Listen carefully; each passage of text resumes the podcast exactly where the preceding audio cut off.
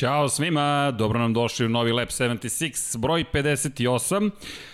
Sećamo se Marka Simončelija, njegov broj u pitanju, njegov znak. Trudit ćemo se, evo već jedno pitanje stiglo, da li ćemo plakati pre, posle, tokom, nećemo da trudit ćemo se da ne plačemo. Jeste priča o Palom Hero, jeste priča o jednom nevjerovatnom momku, ali nekako mi u studiju na kraju verzamo Infinity Lighthouse-u želimo da uvek pričamo na lep način o tim stvarima i da svetlost uvek nekako bude tu. To su ipak ljudi koji su postavili tako mnogo stvari, a i da nisu, samo da ih volimo pa je dovoljno. Tako da ćemo se truditi da pričamo iz perspektive ljubavi i kada pričamo Marko Simončeliju, nekako to je uvek osmeh je na licu, bez obzira na tragediju koja je oduzela Marka nama svima, činjenici da pre svega treba da pamtimo po dugoj kosi, tom osmehu i nevjerojatnim vožnjama i naravno standardna posada je tu. Naredne nedelje inače ćemo, inače imaće ćemo, imaćemo, oprostite, novogodišnji specijal, ja mislim, ali Deki Potkonjak, poštovanje, dragi gospodine, Ćao. i obećavam Aleksandar Đankić da će nam se pridružiti, naredne nedelje je to potvrđeno, tako da ćemo svi biti u studiju, ja se nadam da ćemo organizati jedan Lab 76, to je neki ide, neka ideja, i da ćemo onda malo da sumiramo celu godinu, ali broj 58 nije mogao da bude posvećen nikome do Marku Simončeliju, tu je i njegova knjiga i Odakle da krenemo? Mi se nekako u brojevima, taj broj 58 je toliko kultni, deki, za one koji ne znaju, ako bismo posmatrali karijeru, može da se kaže svetski šampion iz 2008. u 250 kubika u svetskom prvenstvu i to nešto što uvek govorimo tokom prenosa. Ali deki, tako je velik, dubok trag ostavio Marko Simončeli ko je zapravo bio Marko Simoncelli. Evo za one koji eventualno nisu gledali njegove trke, nisu živjeli u toj eri, malo da se podsjetimo oni koji jesu, da, da, da pričamo malo više o tome šta je sve postigao i zašto ga toliko pamtimo i zašto svi nose taj čudesni broj 58. Pa ne, pre svega je fascinantno vezano za sam Moto Grand Prix, to je za, za najvišu klasu u šampionatu, da je neko ko je relativno kratko vreme proveo u konkurenciji najboljih ostavio, najboljih ostavio toliki trag i ono gde, gde no, uh, kod mnogih ljudi je vladalo mišljenje da, da je on taj kojeg će jednog dana preuzeti taj tron i da je bukvalno bilo samo pitanje vremena kad će to da uradi, to je nešto eto što je što je pre svega vezano za njega i za taj njegov kultni broj i tu harizmu koju je, koju je nosio. Da pričaš o, o harizmi, govorimo, ako pričamo o harizmi, Valentino Rossi je prva osoba koja pada na pamet i neverovatne su veze koje su tu ispletene. Italijan Marco Simoncelli je pulen bio na neki način Valentina Rosija i postali su veliki prijatelji. Cela priča koju ćemo ispričati je i, kažem, uspomen, ali istovremeno i neka priča, da, i o velikoj tragediji, nevjerojatno da je u tom incidentu u kojem je život izgubio, učestvovao između ostalog Valentino Rossi zajedno sa Colinom Edwardsom, incident u Maleziji, Pokušat ćemo pre toga da ispričamo kako je Marko uopšte stigao do Moto Grand Prix, šta je sve postigao, kakav trag je ostavio pre toga iza sebe, kako je došlo do broja 58, ukoliko ne znate, naravno imaćemo i pitanja, s obzirom na činjenicu da Marko bio tako, jedan čovek poseban i van staze, možda malo drugačiji, možda isti, saznaćete, nadam se, tokom ove večeri. Pričat ćemo i o, poklonit ćemo jedan kalendar, kako ćemo napraviti vezu, vidjet ćete, postoji veza između Marka Simončelija, pa čak i ovog kalendara na kojem su Monster devojke, ali to je deo te priče Marko Simončelija. Deki, ćemo od početka da krenemo, mi da se vratimo u prošlost, nekako ovo vreme plov. 2002. godina je bila kada je stigao svetsko prvenstvo. Međutim, mi smo već znali, znali. Pričalo se o Marku Simončeliju i, i, i pre toga. Nije tu prvi uspeh koji on ostvario, koji je skrenuo pažnju na jednog klinca iz Italije. To je era, ne zaboravimo, Valentina Rosija. Rosija u tom trenutku osvojio prvu titulu u Moto Grand Prix kategoriju 500 kubika, 2002. branio tu titulu, ali na motoru od 990 kubika i te 2002. se pojavio u Češkoj baš na mestu na kojem je prvo pobedu u karijeri, šest godina ranije zabeležio Valentino Rossi, stigao jedan klinac, međutim prethodnih godina on već bio vrlo brz, u, u, ne u nižim kategorijama koliko u nekim drugim šampionatima. Pa to je nešto što ono baš fascinira vezano za, za Marka, Marka Simoncelli, jer generalno ljudi koji su pratili moto, motociklizam su iz nekog razloga čuli za nekog klinca koji ono, jedva da je napunio 15 godina i on kad je došao u šampionat, mislim, stvarno se našao u redkoj grupi ovaj, momaka za koji su poznavaoci već znali, već su, već su čuli to ime, ovaj, evo sad, sad možemo da vidimo kad, kad pratimo te neke klice kroz juniorski šampionat, sad je ipak, ono, prošlo je dosta vremena, pa je sad mnogo lakše i pratiti i saznati, ali eto, u to vreme čuti za neko ko je vozio u nekim nižim kategorijama, ono, klase koje su stvarno dosta iznad je baš bilo onako zabavno i zanimljivo. I, znaš, ono, kad, kad se pojavi tako neko u tom šampionatu, jedva čekaš da vidiš u stvari šta može da uradi i onda kad te on ne razočara od samih početaka, onda u stvari shvatiš da tu nešto postoji. A on je počeo sa 9 godina da se takmiči. On je sa 9 godina već bio u mini moto šampionatu Italije i sa 9 godina je ušao u prve trke. Pričali smo o tim razlikama. Ta 1996. godina iz perspektive svetskog prvenstva i Valentina Rosija je godina kada počinje era na neki način, ne na neki način, počinje era Valentina Rosija, u tom momentu debituje Marko Simoncelli u mini moto šampionatu sa svojih punih 9 godina. Da, pa to sad on ispadne kao, kao da je on ovaj, neki prvi član Rosijeve akademije pre Rosijeve tako akademije. Je, tako je. Nekako tako, tako se o njegovo ime povlačilo i uvek je bio u vezi za, sa Valentinom Rosijem. Pa i, jeste na neki način kasnije kada je nastala akademija pod velikim uticajem i bio Cijel svet je bio pod uticajem te, te tragedije iz 2011. godine kada je izgubio život u Maleziji I, i Casey Stoner u velikoj meri svoju odluku da se penzioniše sa 27 godina je doneo zahvaljujući tome šta se desilo to toga dana. Pre, pretpostavljam da, da je to baš onako mnogo, mnogo uticalo na Stoner. Jeste, i on je pričao o tome da, da je prosto to postao što se njega tiče sport u kojem samo gledaju kako će ko da se povredi, da se u tome uživa, da to nije onaj sport u kojem on želi da učestvuje, da to nije trkanje i baš je ostavilo traga i tih godina je bilo veoma teško ne, ne sećati se neprekidno Marka Simončela. Lepo si rekao na početku, tako dubog trag da ostaviš u tako kratkoj karijeri, pogotovo kad uzmeš obzir da nije mnogo, obzir da nije mnogo vremena probao Moto Grand Prix klasi, ali na Stoner uticao, na Valentina Rossi je to uticalo, sve je nekako bilo u, u, u tragu, u, u prosto, ne znam, to u znaku Marka Simončelija koji je kasnije, rekao bih, inspirisao tu celu priču o nekim novim klincima, konačno njegov otac je nastavio i to ćemo, prema tome ćemo pričati, legat Marka Simončelija živi, postoji kuća Marka Simončelija, postoji tim koji se zove Sić 58, Super Sić se zvao Super Simoncelli i Sić 58 je uspešan tim. To, I u ovim godinama smo mogli da vidimo i pobede, i prošle godine dve pobede, ali eto, sve to nekako krenulo 96. godine, inače onih 99. i 2000. se takmiče osvajao titule, Međutim, prvi dublji trag je ostavio baš 2002. u evropskom šampionatu. Tu smo ga videli u nekoj ulozi koja je inspirisala. U 125 kubika domogao se titule i dobio šansu da se pojavi na, na stazi u Brnu 2002. godine. Potpuno je nevjerojatno zvuče, 18 godina je prošlo od onda, a Marko se tu pojavio neki novi klinac. I... Da, neki novi klinac koji je donao, donao neki novi stil. Ovaj, u to, toj vožnji ja bi eto usudio bi se možda da kažem da je da je Simoncelli iz te neke generacije vozača bio prvi koji je krenuo sa nekom nekim da tako nazovem agresivnim stilom vožnje kojeg smo kasnije prepoznali kod Marka Markeza. On je jednostavno vozač koji koji je doneo ovaj uh, vožnju kojoj nema preterano kompromisa, da je uvek spreman da traži idealnu putanju bez obzira uh, gde se nalazi na stazi, ko se nalazi oko njega, koji, koja faza trke je u pitanju i to je nešto što ga pratilo kroz čitavu karijeru, donosilo mu je možda neki negativni publicitet, ali generalno su ljudi počeli da, da ga prate i da ga, da ga vole upravo zbog tog svog beskompromisnog stila vožnje koji je bio u potpunosti sa suprot, u, u suprotnosti sa onim kakav je Marko bio u privatnom životu. Da, on u privatnom životu je potpuno drugačije zapravo izgledao, ali kada ga pogledaš, na, znaš na koga me to podsjeća sada kada tako konstatujemo u novijoj eri na Žvana Zarka. Zarko koji je potpuno neprimetan gotovo kada nije na motociklu. Kada sedne na motocikl, drugi čovjek. Potpuno. lako ga primetimo. da, lako ga primetimo. Ali činjenice da od malih nogu nekako je bilo je tu incidenata s Markom. Marko je od prvih svojih koraka ostavio trag da su se potražile kazne za njega, da je traženo da se sa njim razgovara. Čak i u eri kada je mnogo toga bilo dozvoljeno što danas nije, je Marko skretao pažnju sudije na sebe i bio je u fokusu i govorilo se o tome da, da, da mora da povede računa. Imao je puno padova njegov stil učenja je bio, kao što si rekao, sada to poistovećamo sa Markezom takav da traži granicu, nađe granicu, pa je ponovo nađe, nađe, nađe, nađe. Markez nekako to brže uči i ne pada toliko u trkama. Marko baš imao puno padova. Jeste, jeste, dosta je, dosta je padova imao i ono što bi možda u jednoj reči moglo da, da opiše taj njegov karakter i taj neki pristup trkama možda bi bilo nestrpljenje. To je nešto možda što što je trebalo vremenom da, da, da se smanji, da nestane sa, sa više iskustva. Eto, nažalost, nismo ovaj, uspeli da, da saznamo, nikad nećemo ni saznati ovaj, da, da, da li bi se to kasnije tokom karijere ovaj, promenilo, ali jednostavno to je nešto što ga je pratilo bukvalno eto, do, do poslednjeg trenutka na stazi.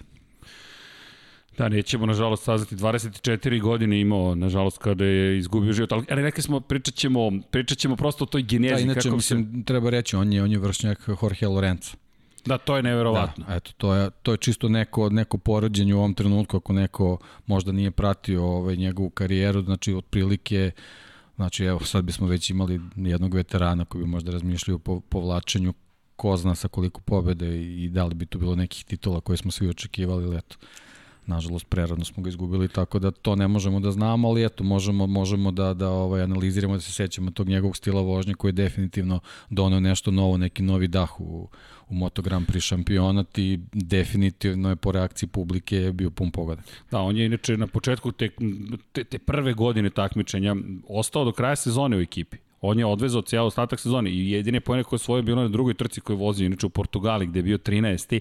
Ta tri poena nekako su do, potvrdila ono što smo negde i znali. Ima tu nekih zanimljivih slika iz njegove prošlosti. Karijera nije bila toliko blistava odmah u svetskom prvenstvu da je skretao pažnju na sebe. Druga godina, tek 21. u šampionatu, 31 poen poeni tu i tamo, kraj sezone nam je dao prvu sliku o tome šta bi mog da mogao da donese Marko Simoncelli. Četvrta pozicija u Valenciji i početak sledeće godine opet pad, problemi u Južnoj Afričkoj republici, međutim onda dolazi Jerez. I Jerez, mi smo pripremili fotografije, hvala Dorni, hvala motogpu.com, dobili smo dozvolu da koristimo, sve fotografije su njihovo vlasništvo, copyright je njihov, ali smo dobili dozvolu da ih koristimo, sve su potpisane. Hoću to da iskoristim nekako kao vezu sa onim što smo gledali prošle godine. Dakle, ne 2022. i dalje smo 2022. 20. godini, oprostite, nije još 2022. ali 2020. htedoh ja verovatno da skočim prošle 2019. Nikolo Antonelli zabeležio pobedu u Herezu. I to je bilo tačno na 15 godina od te prve pobede u Herezu. Vanja, ili imamo mi tu fotografiju? Ja mislim da imamo među fotografijama i tu proslavu. To je neverovatan trenutak zapravo i jedna specifična trka kada govorimo o, o njegovoj prvoj pobedi.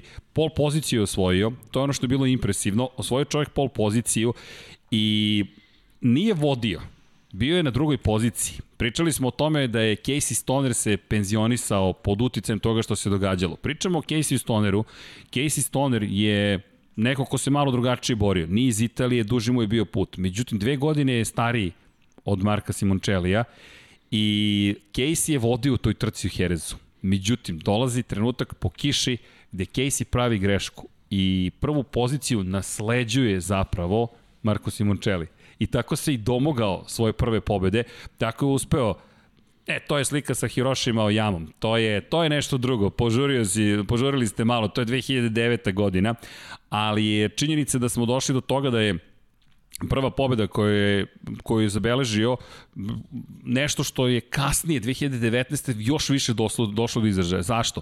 Pa Nikola Antonelli se penje na pobjedničko postoje zajedno, zajedno sa svojim klubskim kolegom, Tatsukim Suzukijem. I mi imamo dvostruku pobedu Sić 58 ekipe. 15 godina tačno pošto zabeležio prvu pobedu i to je ono što je meni fascinantno. Negde kada pogledaš, kažeš čekaj, 15, pre 15 godina niko nije slutio koliko će biti taj emotivni moment i stoga izdvajamo taj Jerez, duboko verujem da je taj Jerez posebna staza kada je posećio cela porodica. Jednostavno, to je taj moment kada si zabeležio prvu pobedu u karijeri i kažeš sebi, ej, čekaj, ovo je prva pobeda Pa da, to je baš ta, ta, ta veza koju si napravio. Jednostavno nekako kroz čitavu karijeru, naravno kad se ovako sad pogleda iz ove perspektive, od nas zadeluje da je, da je Marko bio osoba koji je bio predodređen za velike stvari, ali ne neke e, stvari koje će se dešavati u kontinuitetu, uh, obaranje rekorda iz trke u trku i tako dalje i tako dalje, nego jednostavno uh, sve neke dobre i velike stvari koje se dese, de, dešavaće se u nekom trenutku koje nekome nešto znači. On jednostavno kroz, kroz čitav taj napredak, kroz svoje karijere, kao da je bio pripreman da se desi nešto veliko. A to veliko se verovatno ogledalo što iz, iz perspektive čitave porodice ogledalo su tituli svetskog šampiona u Moto Grand Prix. Da, to je ono što je bio sve, sve do tada je bio prolazni put Čekaj, samo. pogledaj ovo, ovo je 2004. godina, za one koji ne slušaju, morate da pogledate. Teško je ovo opisati. To je jedan klinac nasmejani koji još nema dugu kosu, prepoznatljivu u kasnim godinama, koji je podigao kacigu svoju i pravi je bio Leopard i čovek koji je u tom trenutku bio na vrhu sveta. Još uvek, međutim, nije Marko došao do onog nivoa. Meni je i dalje fascinantno, kažem ti, Casey Stoner je vodio u toj trci. Casey Stoner izleteo sa staze da bi, ne zbog toga, ali izleteo da bi došao do pobede Marko Simoncelli. Koje su to veze? To je generacija Jorge Lorenza. Ta 2002. godina je godina u kojoj oni vode 2004. godine kada je pobedio, ali moment kada mi govorimo o, o ovom šampionatu je moment u kojem mi pričamo o generaciji koji su Dani Pedrosa, koji opet ima veze sa Markom Simoncellijem, Jorge Lorenzo, Andrea Dovizioso i to ćemo videti. Neverovatno je kada pogledaš da je u toj eri zapravo stasala ta cijela jedna generacija koju mi dan danas pratimo. Dani Pedrosa koji je toliko uticao ove godine na ono što smo videli u KTM-u. Ko je osvojio titulu 2004. Andrea Dovizioso. Jorge Lorenzo bio četvrti, Casey Stoner, inače na KTM-u, je bio na poziciji broj 5. I nekako se vratimo u to vreme, Hector Barbera, Roberto Locatelli. Pazi, Pablo Nieto, koji je danas šef ekipe Valentina Rosija, je vozio sa njima.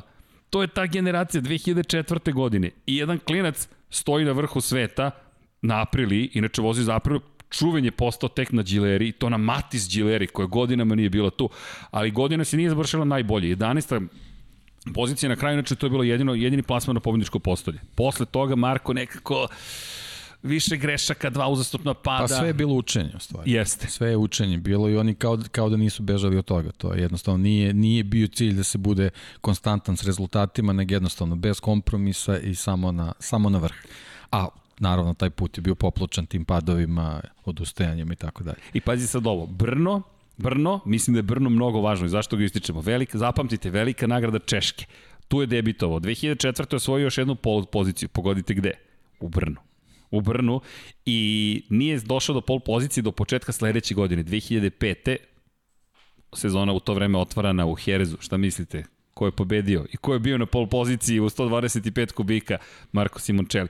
I izgledalo je kao, to je taj moment, pazite, on vodi u šampionatu sveta u tom trenutku. To je početak, to je njegova trka i opet ne idu ti rezultati koje je očekivao.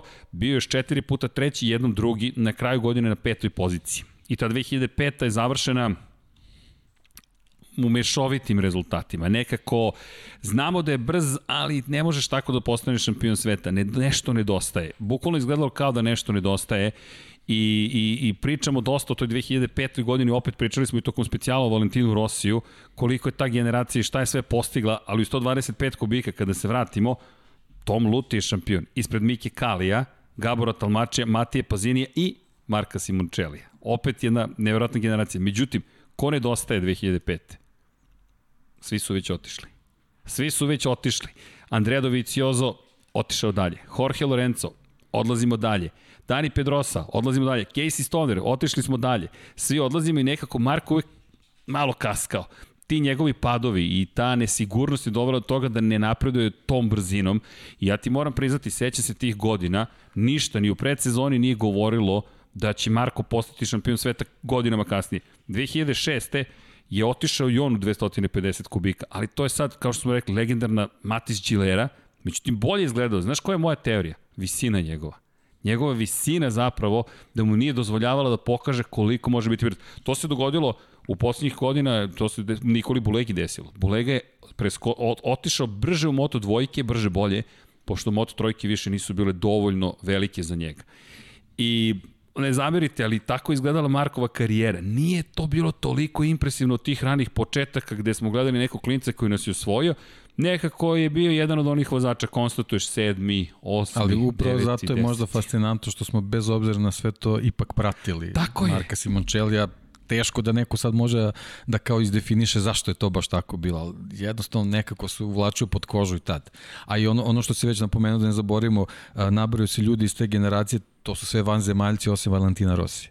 Znači, bukvalno u toj kategoriji da. mi smo imali ljude koji su se uzdizali bukvalno do samih zvezda odatle. Jeste. I, I iz tog razloga su možda zato brže i napredovali. Jesu, i to, ali, ali to, to se već videlo tih godina. Već se videlo da go dolazi jedna neverovatna generacija. Da će to biti ljudi koji ćemo mi tekako da pamtimo u budućnosti.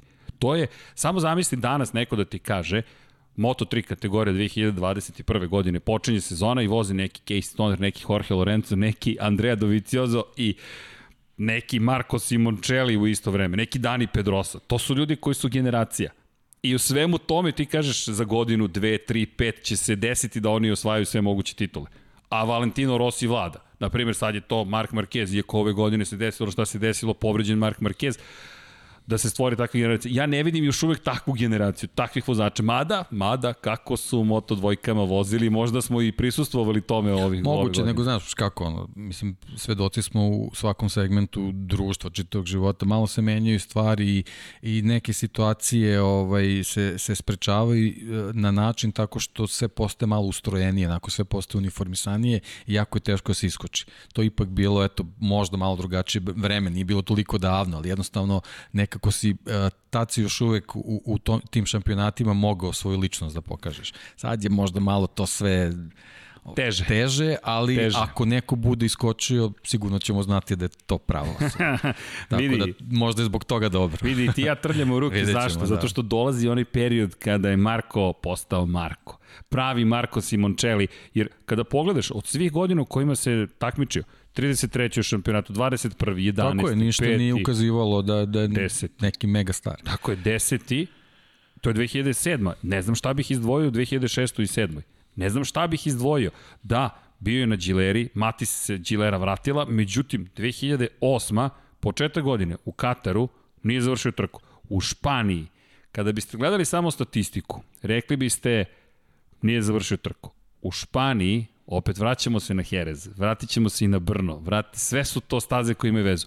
Šta se desilo u Španiji? Ja sam se upravo naježio, to je trka jedno trka među prvima koje sam prenosio, to je druga godina kada sam radio kao komentator Moto Grand Prix. Počinje trka.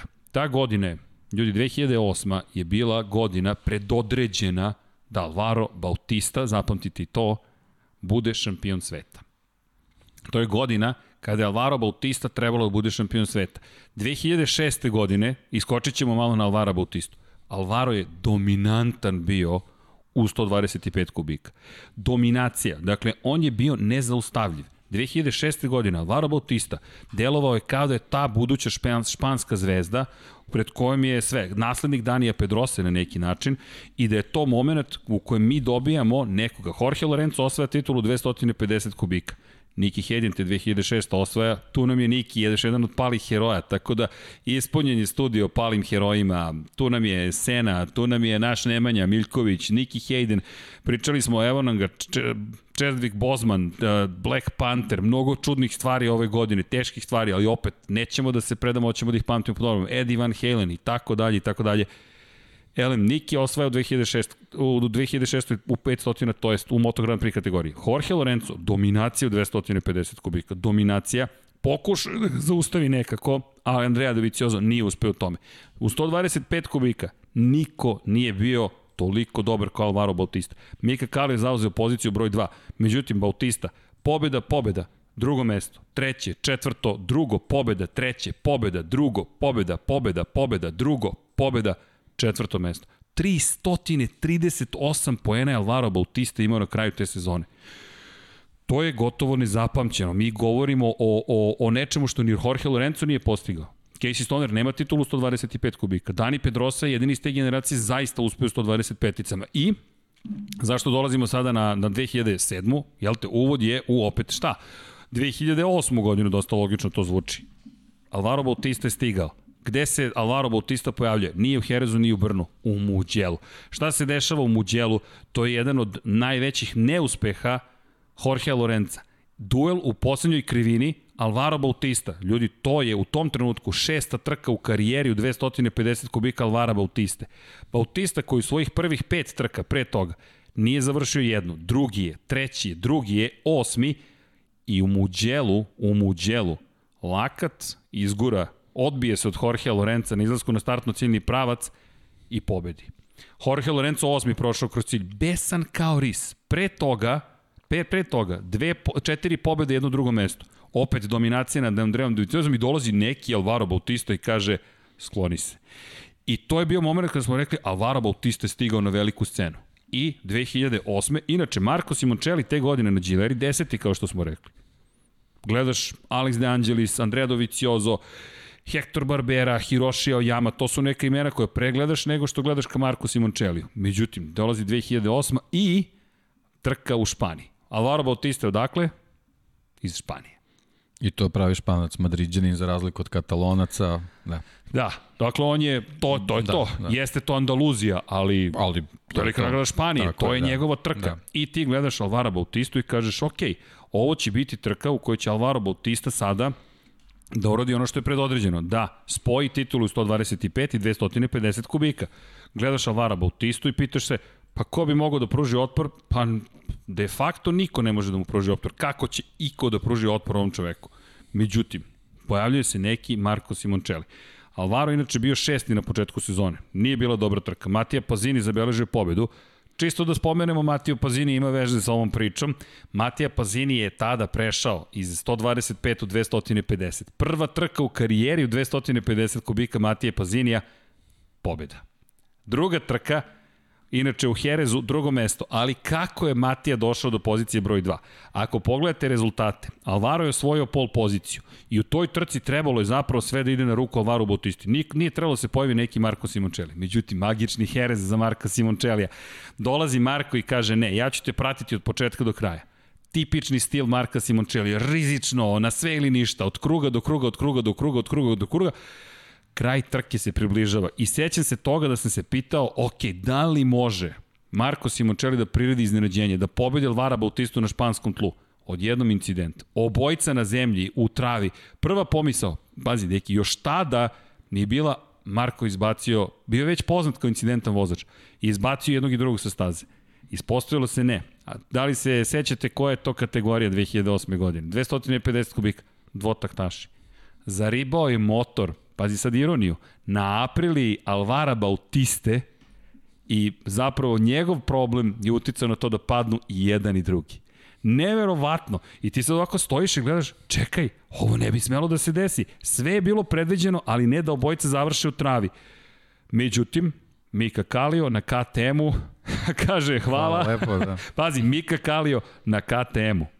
Njihova romansa traje 15 godina. Mika Kaliju na KTM-u ispred Matijeta Pazinija i Yukija Takahashija. Yuki Takahashi, koji inače isto vozio za KTM i sa KTM-om stvario pobedu, velika pobedu 125 kubika čuvene, Harold Bartold koji skače, ima 100 kg, ja mislim jedva skače čovek, ali je, ali uspred tome.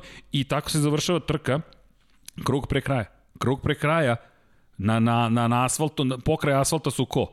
Predstavnik ekipe Jorge Martinez Spara i Matis Gilere. I to je bio početak zapravo te njegove bitke za titulu šampiona sveta. Nismo tada ni slutili. Međutim, dolazi Portugalija, to je sledeća trka. Pol pozicija, Marko Simoncelli. Drugo mesto u trci. Da, Alvaro Bautista je pobedio, ali mi ponovo imamo bitku između njih dvojice i onda počinje jedan od problematičnih, iskreno moje mišljenje je, haha, Vanja, hvala. Pogledajte, ovo, pa ovo smo izdvojili zašto? U sredini je Alvaro Bautista. Pobednik. Sa leve strane Marko Simoncelli. Vam poznata frizura za sve one koji slušaju čupavi Marko Simoncelli, nešto što je kasnije postao, ostala frizura autentična gde su navijači nosili sunđere na glavi, ne bili imitirali Marka Simoncellija. Marko na poziciji broj 2. Sa desne strane KTM, hladnokrvni finac, nepreterano zadovoljan. Treći Očigledno, da. Pogledaj taj stav, ok. Zašto? Ali dobro, to je, inače, pobegla mu je titula 2005. za 5 poena, o tome smo pričali, tri godine ranije Mika Kalif bio u borbi za titulu. Gabor Talmači, incident iz Katara i tako. No, Portugalija iz te perspektive zaista veoma važna. Šta je zanimljivo? Mika Kali je pobedio na sledećoj trci. Mika Kali u te prve četiri trke imao dva treće mesta i dve pobede. I deluje kao da ide ka prvoj tituli za KTM. To se, međutim, nije desilo. U Francuskoj pozicija broj 2 Marko Simoncelli. Mugello, pobeda Marko Simoncelli. Katalonija. Ali kakva pobeda Mugello? O, Mugello. Je, ali dobro, ima, da, to vratit ćemo se a, na to. Da. A, a, a sledeće godine još veća pobeda. Da. A sledeće godine još veća pobeda u direktnom duelu s Matijom Pazinim. O tome ćemo tek da pričamo. I onda Katalonija, nastavlja se duel između Bautiste i Marka Simoncellija, pobeda, pazi, pobeđuješ i na italijanskom i na španskom tlu. U Velikoj Britaniji si na poziciji 2, Mika Kalio je taj koji beleži još jednu pobedu. Fascinantan je do tog trenutka bio Mika Kali. Posle toga mi smo ga videli do Australije na pobedničkom postolju. Simoncelli, međutim, treći u Holandiji, Bautista pobeđuje. Obrće se situacija u Nemačkoj. Pobeda Simoncellija, treći Bautista. U Češkoj, pol pozicija, ponovo, pol pozicija, imaju Nemačkoj pol poziciju za Marka Simončelija, drugo mesto za Alvara Bautistu, Alex Debon, inače dve godine imao dve pobjede. Ko se sjeća Aleksa Debona, to je isto bilo fascinantna jedna priča.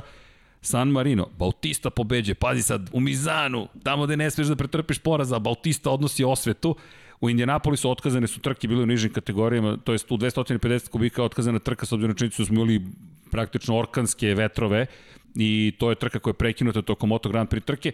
250 su bile poslednje koje, su, koje je trebalo da voze tog dana, ali otkazana i onda dolazi spektakl u finišu sezone. Pol pozicija pobeda, Japan. Pol pozicija pobeda, Australija. Treće mesto Malezija, Valencija pol pozicija pobeda.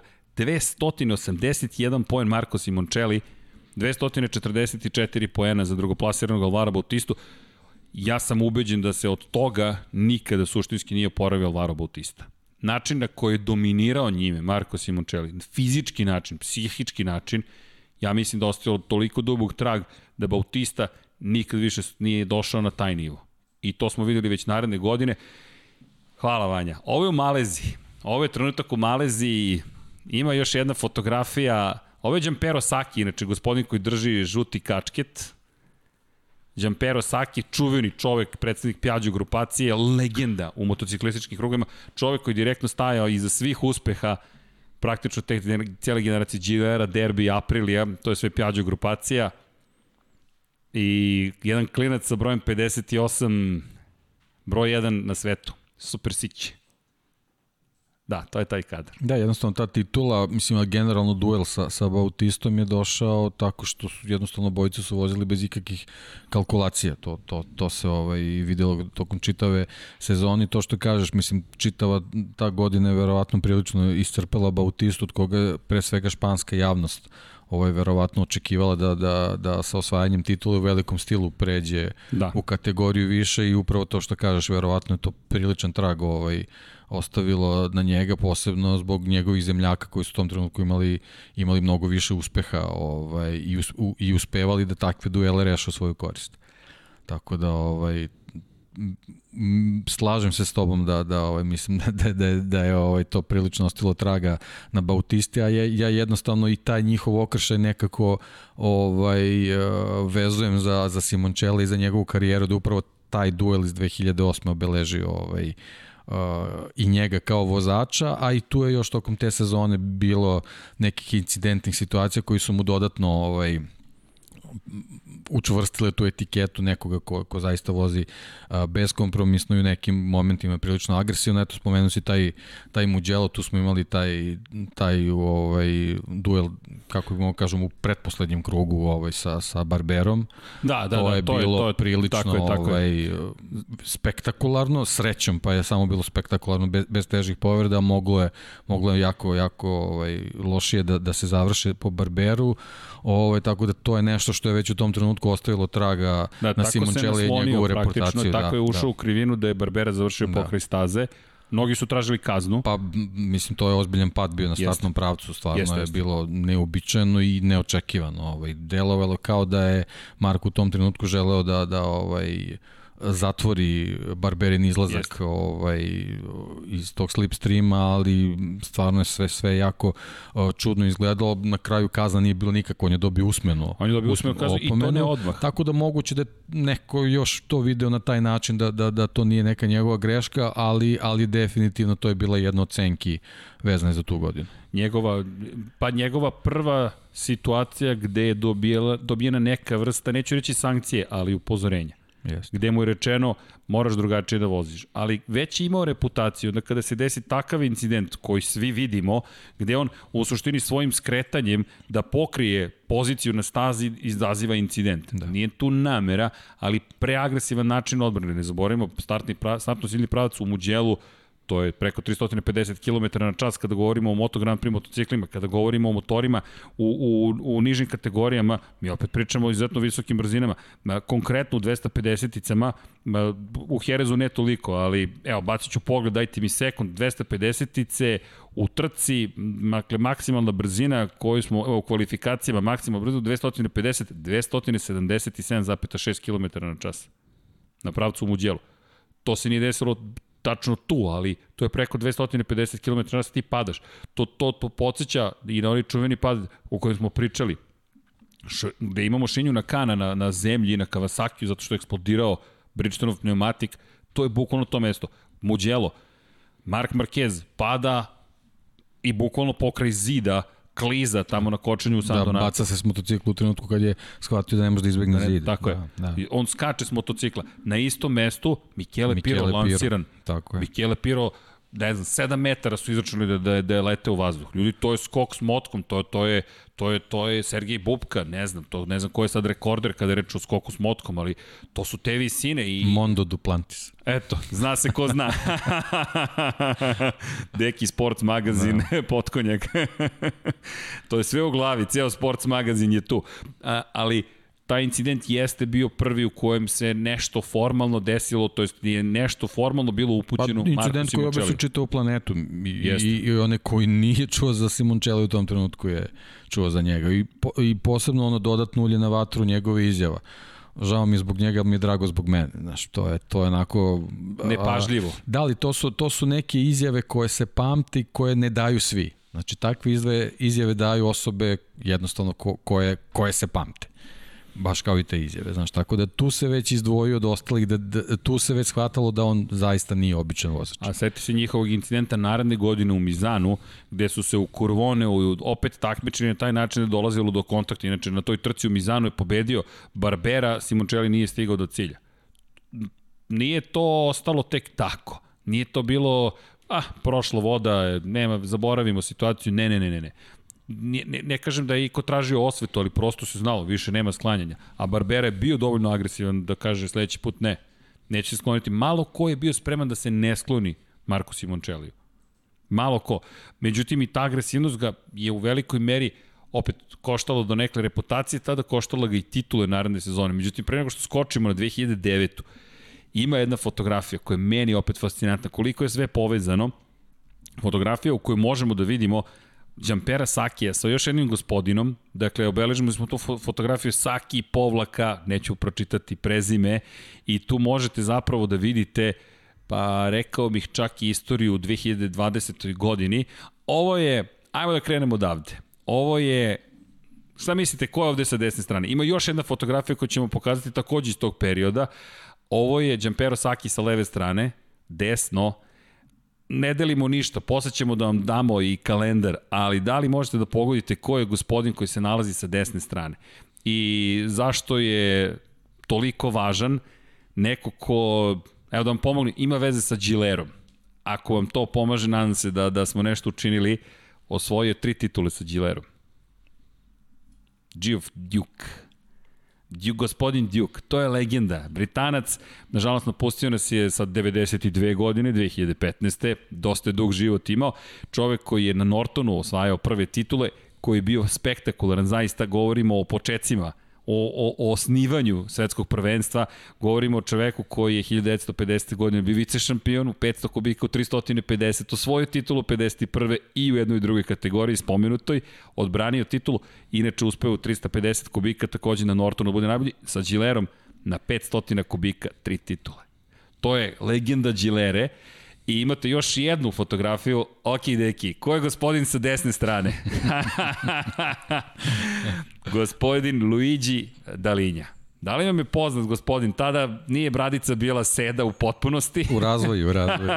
ali krenulo je od kose. Imidž je krenuo da se Pogledaj. stvara, da. Čisto da se prisetimo ko je sve povezan na koji način. I dobro zapamtite ovu fotografiju, ima opet veze kasnije sa istorijom. Ovde se već stvara kult Marka Simoncellija. Giampero Saki je levo, desno je Gigi Luigi Dalinja, današnji šef Ducatija, budući šef iz ove perspektive ekipe svetskog šampionata u Superbajku Aprilije. I zapamtite i taj moment. Spomenut se i Max Bjađi tokom ove emisije.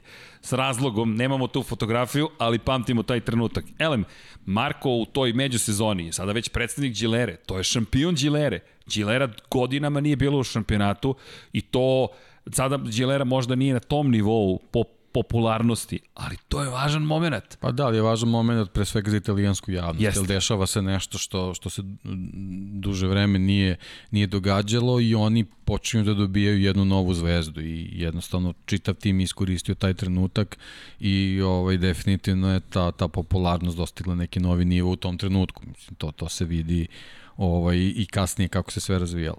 Pa od Marka Melandrija 2002. godine nisu italijani imali šampiona u 250 kubika, a to je bila njihova kategorija. Kada pogledaš Luka Cadalora 91. 92.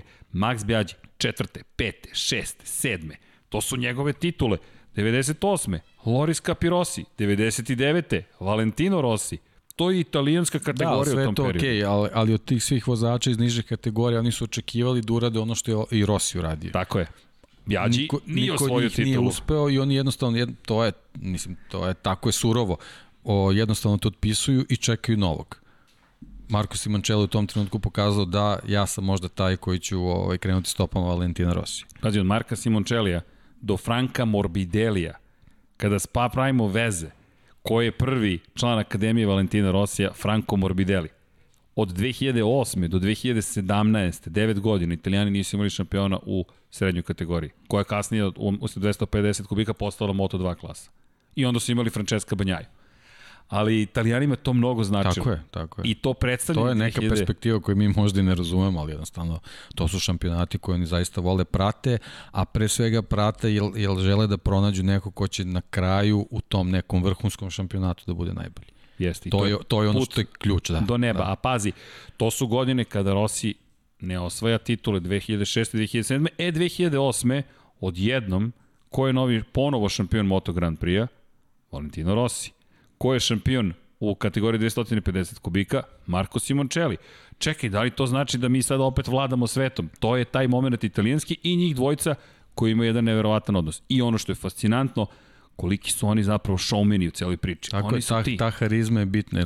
Sve, sve ovi italijane koje si nabrojao, to su neki momci koji su pokazali da su brzi, ali oni jednostavno van staze nisu uspevali da pokrenu te mase na taj način kako su Simoncelli i Rossi radili. Bjađi Rossi i Simoncelli. Do Rosija.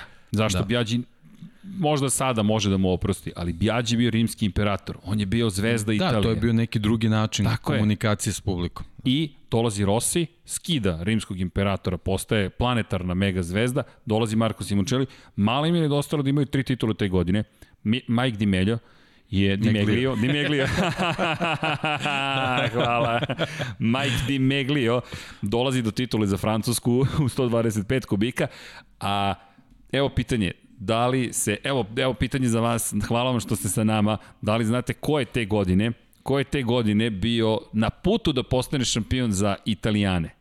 Ko je bio na putu da postane šampion za Italijane, nije uspeo u tome i mi ga povremeno još uvek spominjemo, još uvek vozi, samo ću vam to reći, u Moto2 kategoriji. Ali eto, ako znate odgovor, tu smo.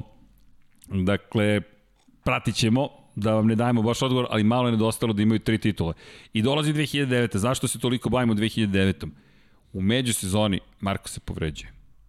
Marko se povređuje i ne započinje prvu trku u odbrani svoje titule, velika nagrada Katara, njega nema. Nije ni startovao. Alvaro Bautista osvaja pol poziciju. Međutim, trka, zanimljivo, pripada Hektoru Barberi. I to je bilo veliko izmeđenje. Hektor Barbera, kako? Šta se tu desilo? Pamtim i danas Žila Kluzela, sve sa pticom, da li je Detlić, ne sećam se, ili nešto drugo na kacigi, ili Žil Kluzela odvezao trku, ja mislim, života. Pričali smo o Pazinijevoj prvoj trci i pobedi. Ko je bio na pobedničkom postolju kao Novajlija? Mike Di Meglio. Čisto da bude interesantno pobedničko postolje. Međutim, gde dolaze i jedna specifična situacija do izražaja? U Herezu. Marko se vraća na stazu, osvaja pol poziciju. Pazi, on je došao povređen svoju pol poziciju. Jedna neverovatna trka. I ti sad očekaš, a Marko se vratio, šta će sada da se desi? Oprosti u Japanu, Japanu je svoju pol poziciju, vratio se bio na stazu, na, moja greška, od Twin Ring Motegi je bio. Da, sad se sećam, Twin Ring Motegi osvaja pol poziciju, ali ne završava. I to je, nije među osvajačima poena, bio je 17 ali pobedu odnosi Alvaro Bautista. I sad, aha, Bautista, to je ono što smo očekivali, gde je Marko, ali o svojoj pol poziciju imaćemo ponovo tuču i dolazi Španija i tu očekuješ da se ovo nastavi i zašto mi je Španija interesantna, Jerez. Ko je pobedio te godine u Jerezu 2009. godine? Pobedio je budući šampion sveta Hiroshi Aoyama. I Aoyama je rekao, evo ga taj moment, pogledajte vi ovo kultno pobedničko postolje. Ovo je kultno pobedničko postolje. Hiroshi Aoyama danas je šef ekipe Honda tima Azije. Sa leve strane ekrana je Alvaro Bautista, Sa desne strane Marko Simoncelli. Koji dalje vozi. Alvaro i dalje vozi, da, da, Alvaro i dalje ne, vozi. Ne spominjemo taj detalj, da, da. Pa, da. Alvaro Bautista, rekli smo, nikad nije osvojio titulu šampiona sveta posle, ali Alvaro Bautista je bio na putu da bude prvak sveta zapravo za Ducati u Superbike-u. Čini mi se on je dve godine stariji od Simoncellija, ako, jeste, ako se dobro sećam. Jeste, da. Alvaro je do 80 Ne, 84. je Alvaro, on je 3 godine stariji. 3 godine, da. Tri godine. Da, da, da. To, su, da, da. to je, to je. Da. Ali kad pogledaš njegovu karijeru, trebalo je to sve drugačije da izgleda. Da. Inače, on kasnije otišao ne, na ne, Suzuki. njemu je jako, jako važna bila ta titula. Jeste, koja se nije dogodila. 250 kubika, da, da, da bi jednostavno bio u tom rangu španaca kako je potrebno da bude. I nije uspeo. Prosto nije uspeo, ali meni u sećanju mi je jedan interesantan moment. Aoyama je izgubio bitku u Japanu, bio na poziciji broj 2. Alvaro je tu slavio i Hiroshi je rekao posle trke ne, nisam hteo da se osvetim Alvaru, ali sam pobedio na španskom tlu. Hiroshi koja odveze jednu sjajnu trku i meni ovo pobedničko postoje jedno, jedno od dražih kada pogledaš te, te, te, te kultne figure i ono što je fascinantno u celoj ovoj priči. Honda je u sredini, levo je Aprilia, desno je Gilera. Honda, Scott Racing Team, čuvene boje i u kojima je nastupao, ne zaboravite, Andrea Dovizioso. Dovizioso, da. Tako da. je, u Moto Grand Prix debitovao za Scott Racing ekipu. Elem, ta sezona za, za, za Marka Simončelija, međutim, nije bila završena. Naprotiv, Marko je pokazao da, da se brzo oporavio, uzvratio u Francuskoj, pobedio, bio drugi u Italiji. U tom momentu Alvaro pol pozicije osvaja, ali četvrti, treći, Hiroshi osmi šesti. Nema ga negde na radaru. Pa znaš kako, mislim da u tom trenutku uh, Marko možda već naslučivao da je blizu angažman u Moto Grand Prix-u i, i pretpostavljam da je velika želja bila da se odbrani titula, da, da se kao dvostruki šampion pojavi u, u Moto Grand Prix. To, to bi zaista, kao što smo ove godine pričali koliko je Bastianiniju bitno da kao šampion uđe u tim gde će biti sa Lukom Marinijem da, da jednostavno da se na taj način šalje poruka. Što se tiče Simončelija, verovatno je u tom trenutku jako važno bilo da se, da se pošalje poruka sa, sa dvostrukom titulom od 250 kubika. I zato je ta sezona toliko važna bila za njega. I zato i žurio sa tim povratkom. Jeste, žurio je da, da, da, da os... ko je branio titulu u 250 kubika pre njega? Jorge Lorenzo. Jorge Lorenzo ima dve titule za redom. To je još uvijek period kada ne skačete odmah posle osvojene titule. Ne treba zaboraviti, oni su 125 kubika imali duele. Jesu. Bili su onako ovaj, nekoliko puta je bilo situacija, čak i Lorenzo bio kaž, kažnjavan zbog, zbog nekih gestova na stazi i tako dalje, tako dalje. Tako da i, i iz više razloga je Simoncelli bilo važno da, da se ovaj ponovi titula. Ali Hiroshi Aoyama u ironija poslednjoj sezoni za 250-ice za, eki, za, za proizvođača. Da, to sam i zaboravio, možda je, i to bio jako, jako važan detalj za sve njih. Istorijski. to ipak ostaje u istoriji, tako je. To je istorijsko, tako poslednji osvajač titule u 250-ice su bile stvarno nešto posebno i, i poslednji vozač koji bi tu bio zabeležen trajno, trajno ostaje tu. Hiroshi da, za sve njih je to bilo jako važno, a posebno što su imali neke druge dodatne motive. Ja, ali ono što je u, u, u cijeloj priči meni ironija, Honda je ta koja je lobirala da se ugasi ta kategorija i insistirala na moto dvojkama i četvorotaknim agregatima, da se promeni ko koristi koje motore sa unutrašnjim sagorevanjem. Hiroshi Oyama za Honda donosi titul i to je motocikl koji nije razvijan godinama bio. Oni čak nisu imali nove delove, već su koristili stare, stare proizvedene delove Hondine, s tome Hiroshi i zato je u Hondi Hiroshi Oyama i dan danas toliko poštovan. Toliko poštovan. Međutim, Honda, ono što je su joj služi na čast, nije, pre svega, možemo reći, Fausto Gresini, je, ali čak ne ni samo Fausto Gresini, i Honda takođe je gledala u Marka Simončelija i htela je Marka Simoncelli u svojim redovima. Honda u tom periodu još uvek nije ponovo na vrhu sveta. Jeste osvojila titulu sa, sa, sa Nikim Haydenom, međutim Dani Pedrosa koji je doveden da bude novi superstar Honda, da osvoji titulu, ne osvaja titule. Valentino Rossi dalje na vrhu, Jorge Lorenzo osvaja još jednu titulu sa Yamahom, ali to je već 2010. godina. 2008. i 2009. Rossi se vratio i Honda traži svog da, novog... Honda intenzivno razmišlja ko je taj. Ko je taj? Ko je taj? Da li to Yama ili neko drugi? I, a tražiš nekoga, zanimljivo, Hiroshi i Yama, ne zaboravimo, i Marko su bili klubski kolege. Da, da, da, da, da, rešili su problem na taj način. se sećaš, da. opet Brno, da, vrat, da, doći da. to Brno 2011. Kažem, to je, to je i na nekom ličnom nivou krajnje nama zanimljivo. Ima, ima jedna meni fenomenalna trka na kraju te sezone kada je Hiroshi osvojio titulu. Inače, ta godina se za Marka lepo nastavila, ali prosto taj početak ga je koštao. U Kataloniji nije stigao do cilja. Međutim, treći, pa prvi, pričamo o Simončelovim rezultatima, četvrti, prvi, prvi, u Mizanu nije stigao do cilja. Pa pobeda, pobeda, pa treći u Maleziji i onda je odustao u Valenciji. Malezija, ne znam da li imamo fotografiju iz Malezije, to je duel između Hirošija i, i, i evo, pogledaj o, ovaj duel. O, ovoga se sećam jer smo najavljivali, inače u Holandiji te godine pobedio Jama i u Velikoj Britaniji. U Maleziji odvezao trku svog života. Trka života. I pričali smo kada dođemo na azijsku turneju, kada dođemo nazad, na, a Japan je već bio vožen na početku godine, nema domaćeg tla, ali ovo su staze koje bi mogao da poznaje. Hiroshi je osvoja pol poziciju i do poslednjih centimetara se borio sa Markom u direktnom duelu i pobedio ga je. Čak je Simoncelli u jednom momentu nogom ovako gu, hteo da gurne, da uplaši Hiroshi. Bukvalno to je bio period, tako, tako se vozilo tada, to je pre 11 godina idu na startu cijeli pravac, izlazi iz poslednje krivine i Aoyama je sa leve strane Marka Simoncellija koji ovako nogom kao da pokušava da ga uplaši u predposlednjem krugu. I mi u šoku, šta radi Marko Simoncelli? Pokušava da zastraši konkurenciju. Da, to je bio on jednostavno, da, to, to su bili ti neki ovaj, neočekivani gestovi koje jednostavno zamisli danas bi, pa da kako bi rekao mislim, on, on je ovaj jednostavno bio momak koji ono ne postoji kompromis znači ako se nešto naumi to se radi ovaj eto na sreću mislim bez obzira kako reputacija ima nisu se neke teške povrede dešavale ali nisu. ali bili su stvarno stvarno rizične situacije ovaj šta god uradio mislim to je to je pravac to je puna brzina stvarno ovaj ali jeste baš puno onako brzina. nestašne nestašne neke ovaj ove reakcije, ali dobro, eto, to je, zato smo ga ovaj zapamtili, zato su ljudi počeli da ga vole. Kako si lepo to pisao, nestašne reakcije. Pa da, da, mislim, da kažem, eto, srećem, sve, ništa se tu nije završilo, ovaj, uh, ozbiljnije, ali eto, jednostavno, ovaj, takve stvari ovaj, mo, moraju da, da, da privuku pažnju. Pa da, privukao, svakako je privukao pažnju, ali ti jednim svojim hajde da pokažemo zašto je još privukao pažnju. Malo skačemo, ali ne mora sve linearno. Vanja, možeš da nam daš, možemo i sad, čekaj, možemo i da poklonimo mi kalendar sada, zašto da čekamo kraj. Šta, šta, šta, šta, šta kažeš, Deki? Ajmo. Možeš da nam daš jednu, jednu fotografiju koja ima veze, pogledaj ovu fotografiju. Ovo je Marko Simoncelli, između ostalog. Kako si ga ti opisao, Deki?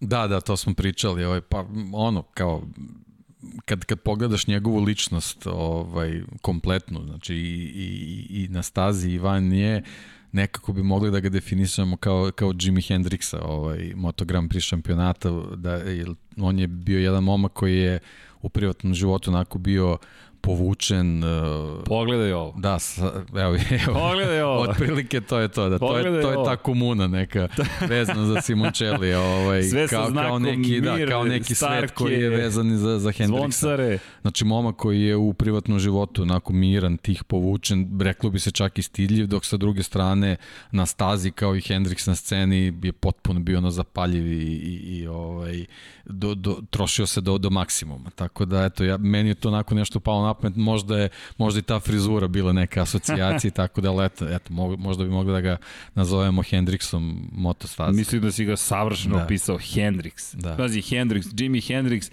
i ima veze s gitarom, ima veze da. sa, sa... Pa znaš kako, i oni na kraju, oni detalji vezani za sahranu i ono, yes. ono skupljanje oko, oko kovčega i sve ono, znači zaista nekako mi je to, to mi je asocijacija na, na, na tu neku priču. Ali pogledaš samo, možeš da vratiš ovo sa Monster devojkama, molim te, krajnje prikladno. Zašto? Dakle, i da, inače poklonit ćemo dva kalendara. Daćemo i naš koji smo dobili, ide iz studija, sve ide iz studija. Zašto? Pa zato što lepše da bude kod vas. Mi dobijamo toliko toga, hvala vama na, na vremenu, pažnji, ljubavi koju delite sa nama i strasti prema ovom sportu. I Ovo je sad... Monster Gibson Les Paul. Tako je, deki. da li znaš da sam razmišljao... A, njegovim rukama kao tambura neka, pogledaj koliki čovjek. koliki da, čovjek. Da, da, da. Fenomenal, da, Gibson Les Paul. Da, I to je, to je još jedna stvar vezana za njega, znaš, neobičajena visina za, za Jest. Moto Grand Prix vozača. Jest. On je bio viši od Valentina Rosija, ta frizura, taj osmeh koji jednostavno nije skidao s lica. To, to je sve sve bilo ovaj usko povezano za raste njegove harizme i strke u trku. Kako bukvalno. on dolazi do izražaja da. u tom trenutku i on tako velik, korpule, visok, on je bio vižljast. Jedan, jeste, ali jedan, bio izuzetno snažan. To isto jeste. ne sme ovaj da se, da se prenebegne, znači ozbiljno je radio na sebi. Jeste. Bez obzira koliko je to možda delovalo ovako kao da, da je nonšalantno ili on ima ne, ne, ne, ozbiljan, on je ozbiljan pristup. bio da, od da, početka da, da. do kraja. To ne sme da se ovaj, Potpuno zaboravi. posvećen da. motociklizmu i kada je došao Moto Grand Prix mnogo se uzbiljio, ali Vanja, da, da, da, da iskoristim priliku, hajde ovako, da li znate evo jedno pitanje. I sad ćemo malo da pričamo sa, sa, sa, sa... E da, inače, drugi kalendar će ići onima koji ne gledaju u live-u, pošto nikada ne ispoštujemo ljude, ne da i ne ispoštujemo, ne zamerite, ali bio jedan komentara, a šta ćemo mi koji ne možemo Slobodno da pišite šta vam smeta da bismo ispravili. Tako da. je, dakle, slušamo, to ne znači da ćemo odmah i ispraviti nužno, možda ćemo reći žao, mi, žao nam je, to smo mi, ali slušamo vas, I drugi kalendar ćemo stoga dati nekome ko bude odgovorio na jedno pitanje. Dakle, pa eto, ko prvi odgovori na pitanje, dobit će kalendar. Međutim, pre ovo je uvod sad u priču. Koji je broj Marka Simončeli? Neka to bude prvo pitanje. Evo ovako, da, da, da, ne, ne, ne, ne, doći ćemo do toga. Da budemo precizniji. Ne, ne, ne, Aha, a nisam još postavio pitanje. Reci, ne, ne, ovo je uvod. Za početak, koji je broj koji nosio Marko Simončeli? Evo, pišite u komentari. Dakle, pišite slobodno. Šta imate da kažete kada je reč o broju 58?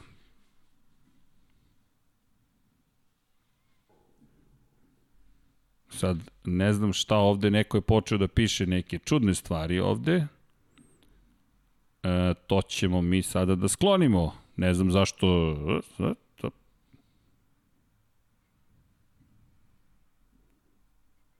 Samo sekund. Za 58, tako je. E, ali sada vas pitamo drugo pitanje. Koji je prvi, dakle, koji je prvi broj koji je nosio Marko Simočeli kada je ušao u svetsko prvenstvo. To je ono što mene zanima. 58-ica, tako je 58. Evo ga Igar Sterijev, 37 je nosio i samo sekund. Dakle, a ne, Igor Sterijev, izvinjavam se, sad ćemo mi to da sredimo. Da, ovo ispod trebaš da. User in, ne, ne, ne, ne, ne, Igore, nisam planirao vas. Samo sekund. Imamo ovde neka, neka čudan čovjek nam se pojavio na kanalu sa nekim uvredama, nećemo njega. Igor Esterijov, izvinjavam se. To ćemo sada da vas vratimo odmah. E, tako. Tako da Igor Esterijov je tu. Elem, Igore, izvini, to je u klitanju sam ovde pogrešio, moramo malo moderaciju da vršimo, nek, neko čudan se pojavio s nekim uvredama, pa to smo sada uklonili, nema toga kod nas. Te to, to kod sebe, napravite svoj kanal pa vređite koga god želite, mi ovde ne vređamo nikoga.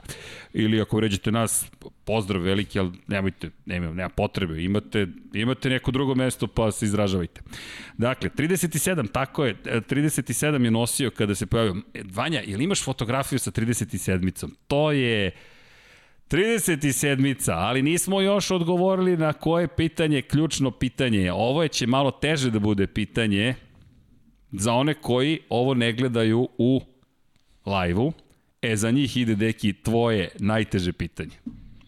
Koji broj je Marko Simoncelli trebalo da nosi? Koji je želeo da koji nosi? Koji je želeo da nosi u evropskim i svetskim motošampionatima? to jest koji broj je planirao da nosi u evropskom svetskim, to je to u stvari najbolji termin. Tako je. Da. Čisto da znate, ispričat ćemo vam sve, osim broja koji je trebalo da bude njegov broj. 37 jeste, ono što je u celoj priči poenta jeste da je Šta se deskilo, deki? Kako on dobio broj 58? Čekaj, mi pričamo danas kada kažeš 58, to je to. To je, to je bukvalno to. Inače, Vanja, samo da znaš, televizor će se ugasiti, izbacio nam je poruku TV will soon turn off, ali Vanja je uvek tu, sad se sakrio ispod kamere, ako proviri neko, to je Vanja, visok momak. Dakle, došao je gde? U, u evropski. U evropski šampionat. Evropski šampionat, da, stigao I tražio je svoj broj. Tražio je svoj broj, ovaj broj je bio zauzet. Tako je. I ovaj od komisije od sudija je dobio prvi sledeći slobodan broj i to je bio broj 58 i pošto u tom evropskom šampionatu te Čekaj. godine osvojio titulu, rekao ok, ako sam osvojio titulu s tim brojem, to ne možda nešto znači i to je to. A inače, ovaj, bila su i razmišljanja da možda da je broj 58 godina rođenja njegove majke i tako raznorazne, raznorazne stvari, ovaj, ali jednostavno on je taj broj sasvim slučajno dobio i objašnjenje jednostavno, ali bukvalno eto na način kako i Marko bio jednostavan. 58. Eto, da. Sam dobio taj broj. Pa da. Znaš na koga me to podsjeća? Ko nosi broj 7 u Formuli 1 ove godine? Gospodin, evo osme si odmah, Ivan se nasmeo, Don Pablo se nasmeo, Deki se uvek smeje, on zna naravno, svi znate, Kimira i Konen. Kako je Kimira i Konen dobio broj 7 u Formuli 1? To pre, je to, pre, koliko? Pre četiri godine su vozači Formule 1 dobili prvi put u istoriji mogućnost da izaberu svoj broj. Do tada ste dobijali broj na osnovu svog plasmana, to je plasmana ekipe u šampionatu konstruktora, to jest prvi tim, prvi 1 i 2 je nosio šampion i njegov suvozač. Ali, u skladu sa poredkom u šampionatu konstruktora su timovi dobijali brojeve. 3, 4, 5, 6, 7, 8 i tako dalje. Šta se događa? Kimi Raikkonen je prethodne godine nosio broj 7. Prosto je nosio broj 7. Pitaju ga koji želiš broj za sledeću godinu? Pa bio sam 7. I to je to, je to bilo je to. to. E tako je Marko, čisto znate, kultni broj, kultni broj 58 je slučajnost. Sudije su mu dale prvi sledeći slobodan broj. Tako je. I rekli, to je tvoj broj. I tako je nastao kult i zapravo mit kult, o da. Super Siću da, i broju 58. Da, da, nije, nije baš onako kultna priča, ali je tako nastao Ali to su najlepše broj. priče. Da. Inače, mi bismo se sastali možda i ranije da spričamo Marku Simončeliju. Možete da pretpostavite da. da je niži broj od 58 kada je sledeći prvi slobodan bio taj. I Ovo, dakle, nije za vas koji ste u lajvu, nemojte da zamerite, jedan kalendar smo dali. Igore, ne zameri što smo te slučajno sklonili na kratko iz kanala. Igor Steriv, nadam se da si nam tu negde i da, da si još uvijek sa nama i to što si 300 sekundi isključeni, to je greška, ne zamerite i nemojte da zamerite, Vanja radi mnogo toga, ja sam uočio komentar i toga nema. U, u, ovom filmu toga nema, u ovom studiju Infinity Lighthouse-u ne. Tako da malo dok sam kliktao, bilo je mnogo odgovora. Tako da Igore, kalendar je tvoj, čisto za one koji ne znaju eventualno. Čekajte. Evo ga, opa, opa dok uhvatimo ovo, Deki me gleda samo da ne oštetimo ništa, da. nećemo oštetiti. Za one koji nisu videli, ako nas banuje ponovo YouTube, pa šta da radimo, dešava se kalendar za 2021. Monster devojaka, eto, pa ko voli kalendare, ili Monster devojke, kako god, mi smo se potrudili da vam to nabavimo, nadamo se da će biti još kalendara ili čega god. Mi to kad dobijemo, mi to uglavnom poklanjamo. Kao što vi poklanjate nama, to je isto fascinantno, pa eto i mi malo da uzvrtimo pažnju, trudimo se. Tako da Igore, javi se na... Igora, pozdrav iz, za Makedoniju. Evo, upravo se javio. E, pozdrav Pošaljite za Makedoniju. nagradu Makedoniju. Hoćemo. Da, Igor naravno. Stereo, pošalje nam adresu na lep76 at infinitylighthouse.com. A što se tiče pitanja šta se desilo sa komentarima, ne, neki gospodin se pojavio sa nekom čudnom percepcijom stvarnosti koju mi ne prihvatamo i to smo završili. Idemo dalje. Dakle, u tom trenutku Marko polako li sigurno postaje super mega giga zvezda. Da, je šlag na tortu kraj 2009. Kraj 2000. I, i one-off trka. one-off trka, da, da. 2009. Sećate se Gigi Dalinje Gospodin Dalin je među vremenu počeo da se bavi svetskim šampionatom u Superbajku i pademo na pamet jedna briljantna stvar. Da, pozove... Tad imao zaista briljantne ideje. I čak i da, po pitanju vozača. Da, da. Ali pazi, ideje mu nisu... resource je mnogo bolje funkcionisao nego danas. Njegov je kratkoročni izbor ok, ali dugoročni, dugoročni izbor, to da, da, da. I posle drama. komunikacija sa, sa, sa izabranim, Jeste. baš Jeste. mora da poradi na tome Zamisli definitivno. kakva je bila komunikacija posle ovoga. Za one koji ne znaju, Marko dobija poziv da ode, da se pridruži velikom Massimilianu Maxu Bjađiju u Apriliji, u fabričkom timu Aprilije, u svetskom šampionatu Superbajku. I to gde? I to gde, deki? Na dve trke gde? gde? Na stazi koja se zove Imola. I ti odeš u Imolu, to je kultno mesto po svim pitanjima. Evo mi pričamo, nažalost, pamtimo Imolu i po ovom gospodinu, to je izgubio život, ali kada pričamo o Ayrtonu Seni, uvek pamtimo Imolu.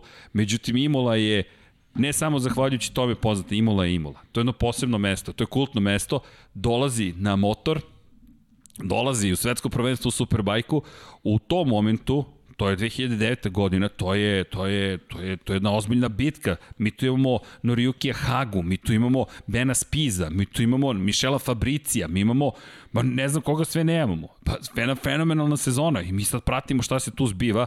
Inače, Spiz, koji je zahvaljujući to, eto šta ti je opet, veze, veze, veze i veze. Ben Spiz je postao prvi Yamahin osvajač titulu u svetskom šampionatu Superbike u 2009. u svojoj debitanskoj sezoni.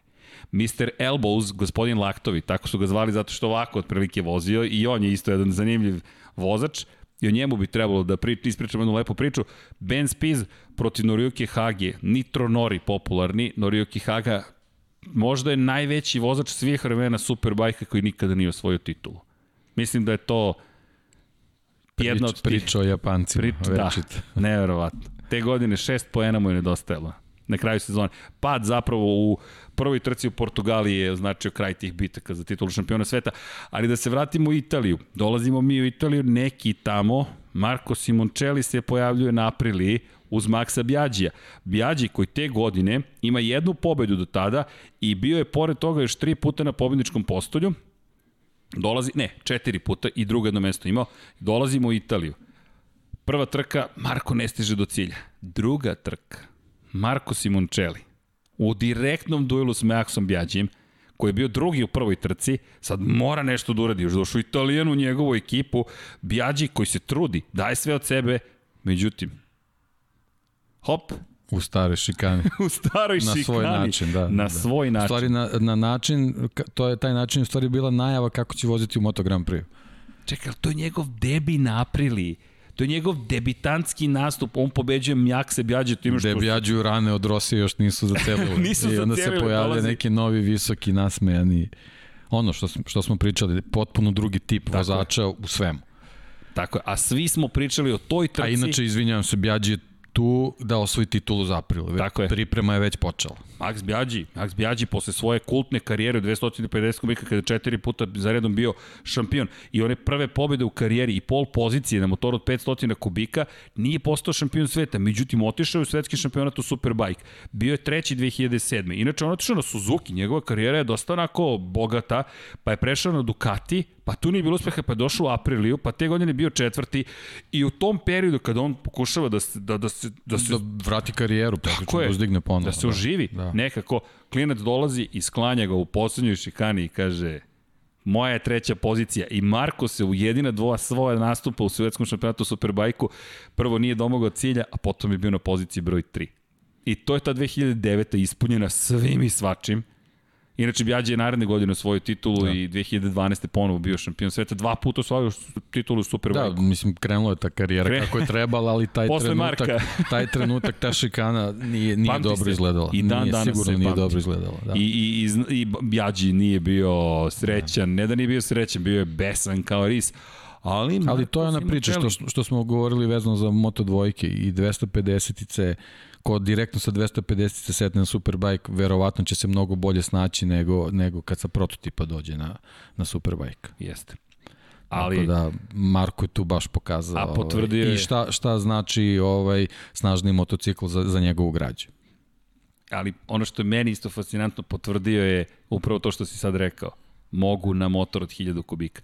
Mada, Moto Grand Prix tada još nije bio od 1000 kubika. I to je nešto što zapravo uh, će nam uvek ostati žal. Do 2011. do kraja 2011. mi smo koristili motore od 800 kubika. 2012. je trebalo da bude ta velika godina povratka na 1000 kubika gde smo očekivali da Marko baš da. dođe do izražaja. I imao je, imao je, kako bih rekao, ne, ne obećanje, nego jednostavno uh, bilo je sigurno da će imati fabričku, fabričku Hondu za, za 2012. Da. Već, je, već, već se znalo sve. Već se znalo, već se znalo. On je ostao otišao kod Fausta Gresini, ali u tom periodu kada se podržavaju samo fabrički vozači, o njemu se pričalo kao čoveku koji je taj. Ali proces uvođenja u Moto Grand Prix je bio takav da ne dobijaš odmah priliku, čak ni Rossi nije odmah sede na Repsol Hondi. Jedna sezona, Nastro Azuro, pa ćemo polako da te mi uvedemo u naše redove. Isto je važilo za Simoncelli. Ideš u San Carlo Honda Gresini, San Carlo koji, koji kao da se nikad nije oporavio. Evo, hvala Vanja. Ovo su, ovo kada piše te, to su testiranja, da, da čisto da znate. Ali brate pažnju na kacigu. Kaciga je dobila prvog velikog sponzora. U 250 kubika toga nije bilo. Videli ste malo, predobit ćete taj kalendar. Inače, ovo nije sponsorisan, prosto smo prosto smo ga nabavili, do, do, dobili smo. Eto, mi ga poklanjamo. Poklanjali smo i od Red Bulla, Duxeve i USB-ove i, i poklanjat ćemo šta god da dobijemo ali on postaje takva zvezda da on dobije prvi veliki lični ugovor sa energetskom kompanijom. To vam je nekada davno bilo ugovor sa duvanskom kompanijom, kad si ga se takođe malo restilizuje i on dobija šansu. Pogledaj ti njega na, na, na novom motociklu. Velik momak. Da, velik, velik momak, ono, čak, čak i ovi motocikli ovaj, deluju malo ispod njega, ali vidi se taj stil sa, sa laktom, sa kolenom, neka nova agresivna priča. Da, nova agresivna priča. Uh, Mr. Elbows, spominjali smo, iskoristio bih priliku da, da, da, da, da i to pogledam, ima ta fotografija deca u bolnici u kojoj nekako mi je to, približamo se nažalost i 2010. samim tim i 2011. 2011. je je nije samo godina u, u kojoj izgubio život, tu, tu, tu, tu je mnogo priča. U 2010. međutim već smo videli neke stvari, ali Vanja ako možeš da nabaciš tu fotku deca u bolnici, zašto? Meni je to jedna od fotografija koju koju želim da istaknemo, baš zato, pogledaj ovo, mi imamo Marka sa leve strane, iza je Ben Spies i desno je čovjek koji predstavlja to vreme Lučić Kinalo Racing Honda Randy Deponije. Ovo je inače opis Moto Grand Prix vozača. I nešto čemu si ti pričao, jedan stidljivi momak zapravo, niko od njih ne, ne, da, zabo, ne, ne da ne zaboravlja, nego su i tekako posvećeni nekim stvarima. Ima ovih fotografija, ali ovo je jedna nameštena fotografija. Ne, nema, ovo je samo blic, u pozdini mrak. Njih trojica koji su neko dete obradovali u, u bolnici i jedan od tih momenta, ti si sada već u Moto Grand Prix-u. Ben je dobio šansu da, da, da dođe u Moto Grand Prix, dobio da vozi priliku u teh tri ekipe, ovo je već 2010. Međutim, Marko meni ovde deluje kao da je dete došlo da poseti dete. Ta tako bukvalno izgleda, ima 23 godine u ovom trenutku i Ben Spies, kao što smo rekli, koja to, opet veze se stvaraju. Veze se stvaraju. 2010. možete sami da vidite, već je bio u Moto Grand Prix, došao je, ima to jedna isto, možemo reći, čuvena fotografija gde Andrea Doviciozo, oni Niki Hayden su, se ganjaju. Pazi, ti si sada sustigo Andreu Dovicioza, imaš, e, hvala Vanja, to je, pogledaj ovaj trenutak. Andrea Doviciozo na Repsol Hondi, Marko na, na, na Hondi 58, San Carlo i pozadi Niki da, Hedin. Da, bukvalno od prvog trenutka bio deo. Deo toga. Deo toga, da. Deo toga. Da. Ti si taj. To, to je to. Ti voziš, ti si u Estorilu, ovo je opet Estoril, mm, opet mi pričamo ozbiljnim stvarima. Kad pogledaš nazad njega, bukvalno od prve trke niko nije smatrao Novajlijom, to on je neko ne, ne, ne. ko pripada tom društvu i sasvim je prirodno da je tu. Ovo je, I to je, to je taj deo njegove harizme. Ovo je detalj iz najbolje njegove trke u debitanskoj sezoni kada je četvrti bio pred poslednja trka sezone. Međutim, on već u Kataru bio 11. Pa 11. pa 10. pa 9. pa 7. pa 9. Trke su završavane.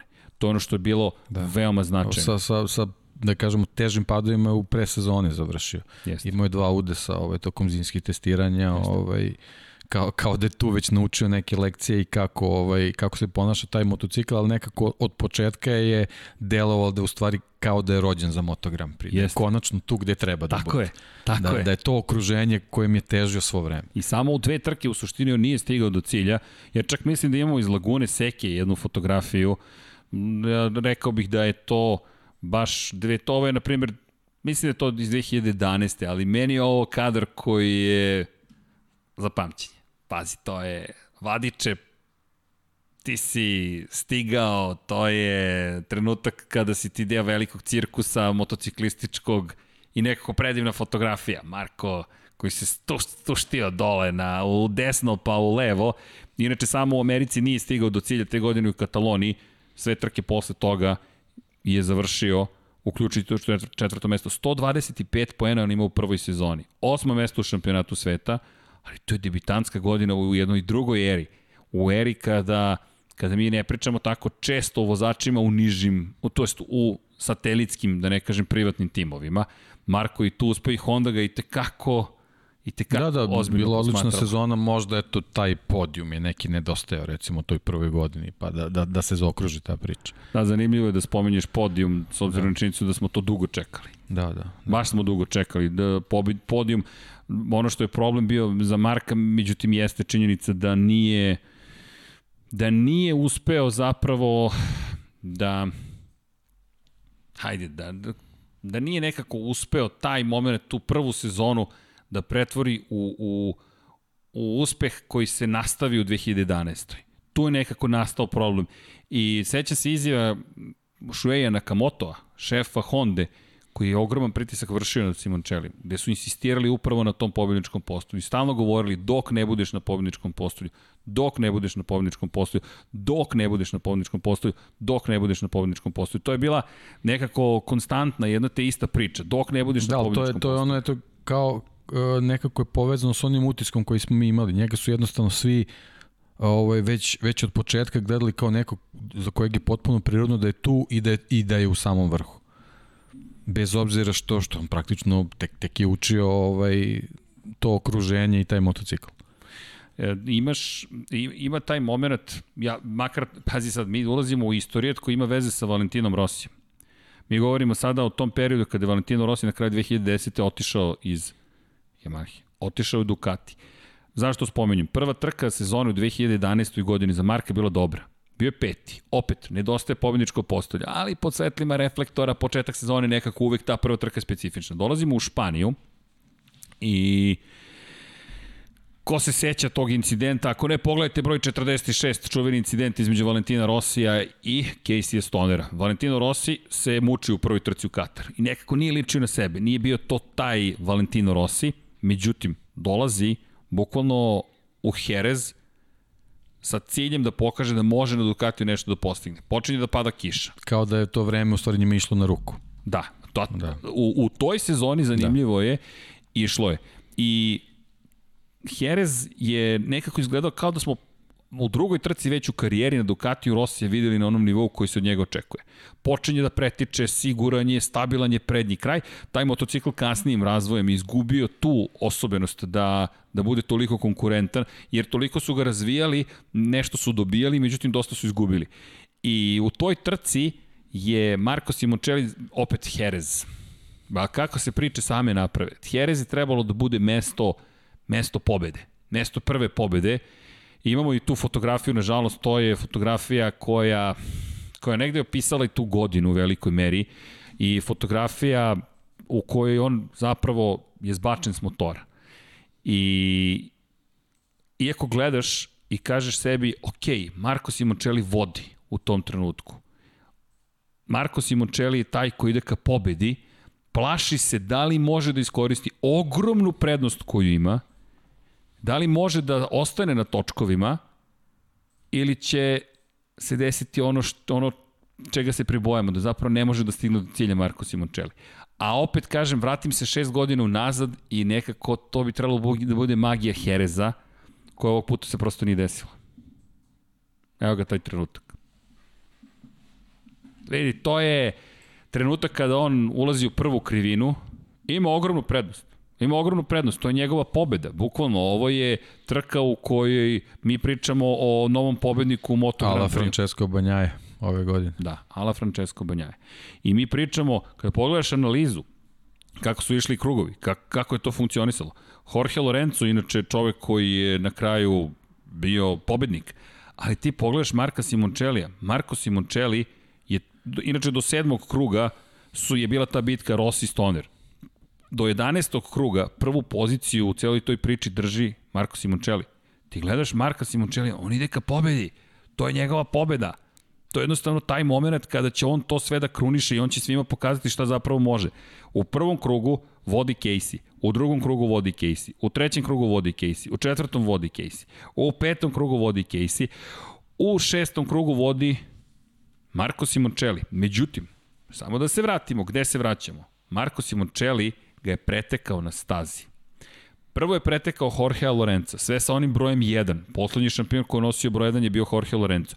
Prednost koju je imao Stoner na kraju prvog kruga je bila 8 desetinki, na kraju drugog 7 desetinki, na kraju trećeg 4 desetinki, pratio ga je konstantno Jorge Lorenzo, na kraju četvrtog 3 desetinke, Marko zaostaje skoro celu sekundu, u jednom momentu je 2 sekunde zaostaje Simoncelli, pa 2,3 sekunde, I onda počinje njegova sigurnost da dolazi drže. Na sekund za ostatka je, u petom krugu je na 4 desetinke za ostatka odnosu na Stonera, u šestom vodi Marko Simoncelli.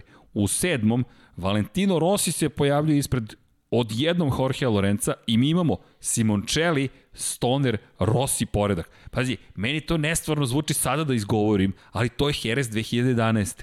Imaš Stonera koji vodi, Rosija koji je drugi i treći Marko Simon, ne, Simoncelli koji vodi, Stonera koji je drugi i trećeg Valentina Rosija. Dolazi do incidenta. To je sad taj čuveni krug. Krug osam, zapravo u kojem se desio incident. Marko Simoncelli, krug broj 8 kada započinje, oprostite u sedmom se desio incident, 1,9 sekundi prednosti u odnosu na Jorge Lorenza. Krug broj 9, 2,5 sekundi prednosti. Krug broj 10, 2,6 sekundi prednosti.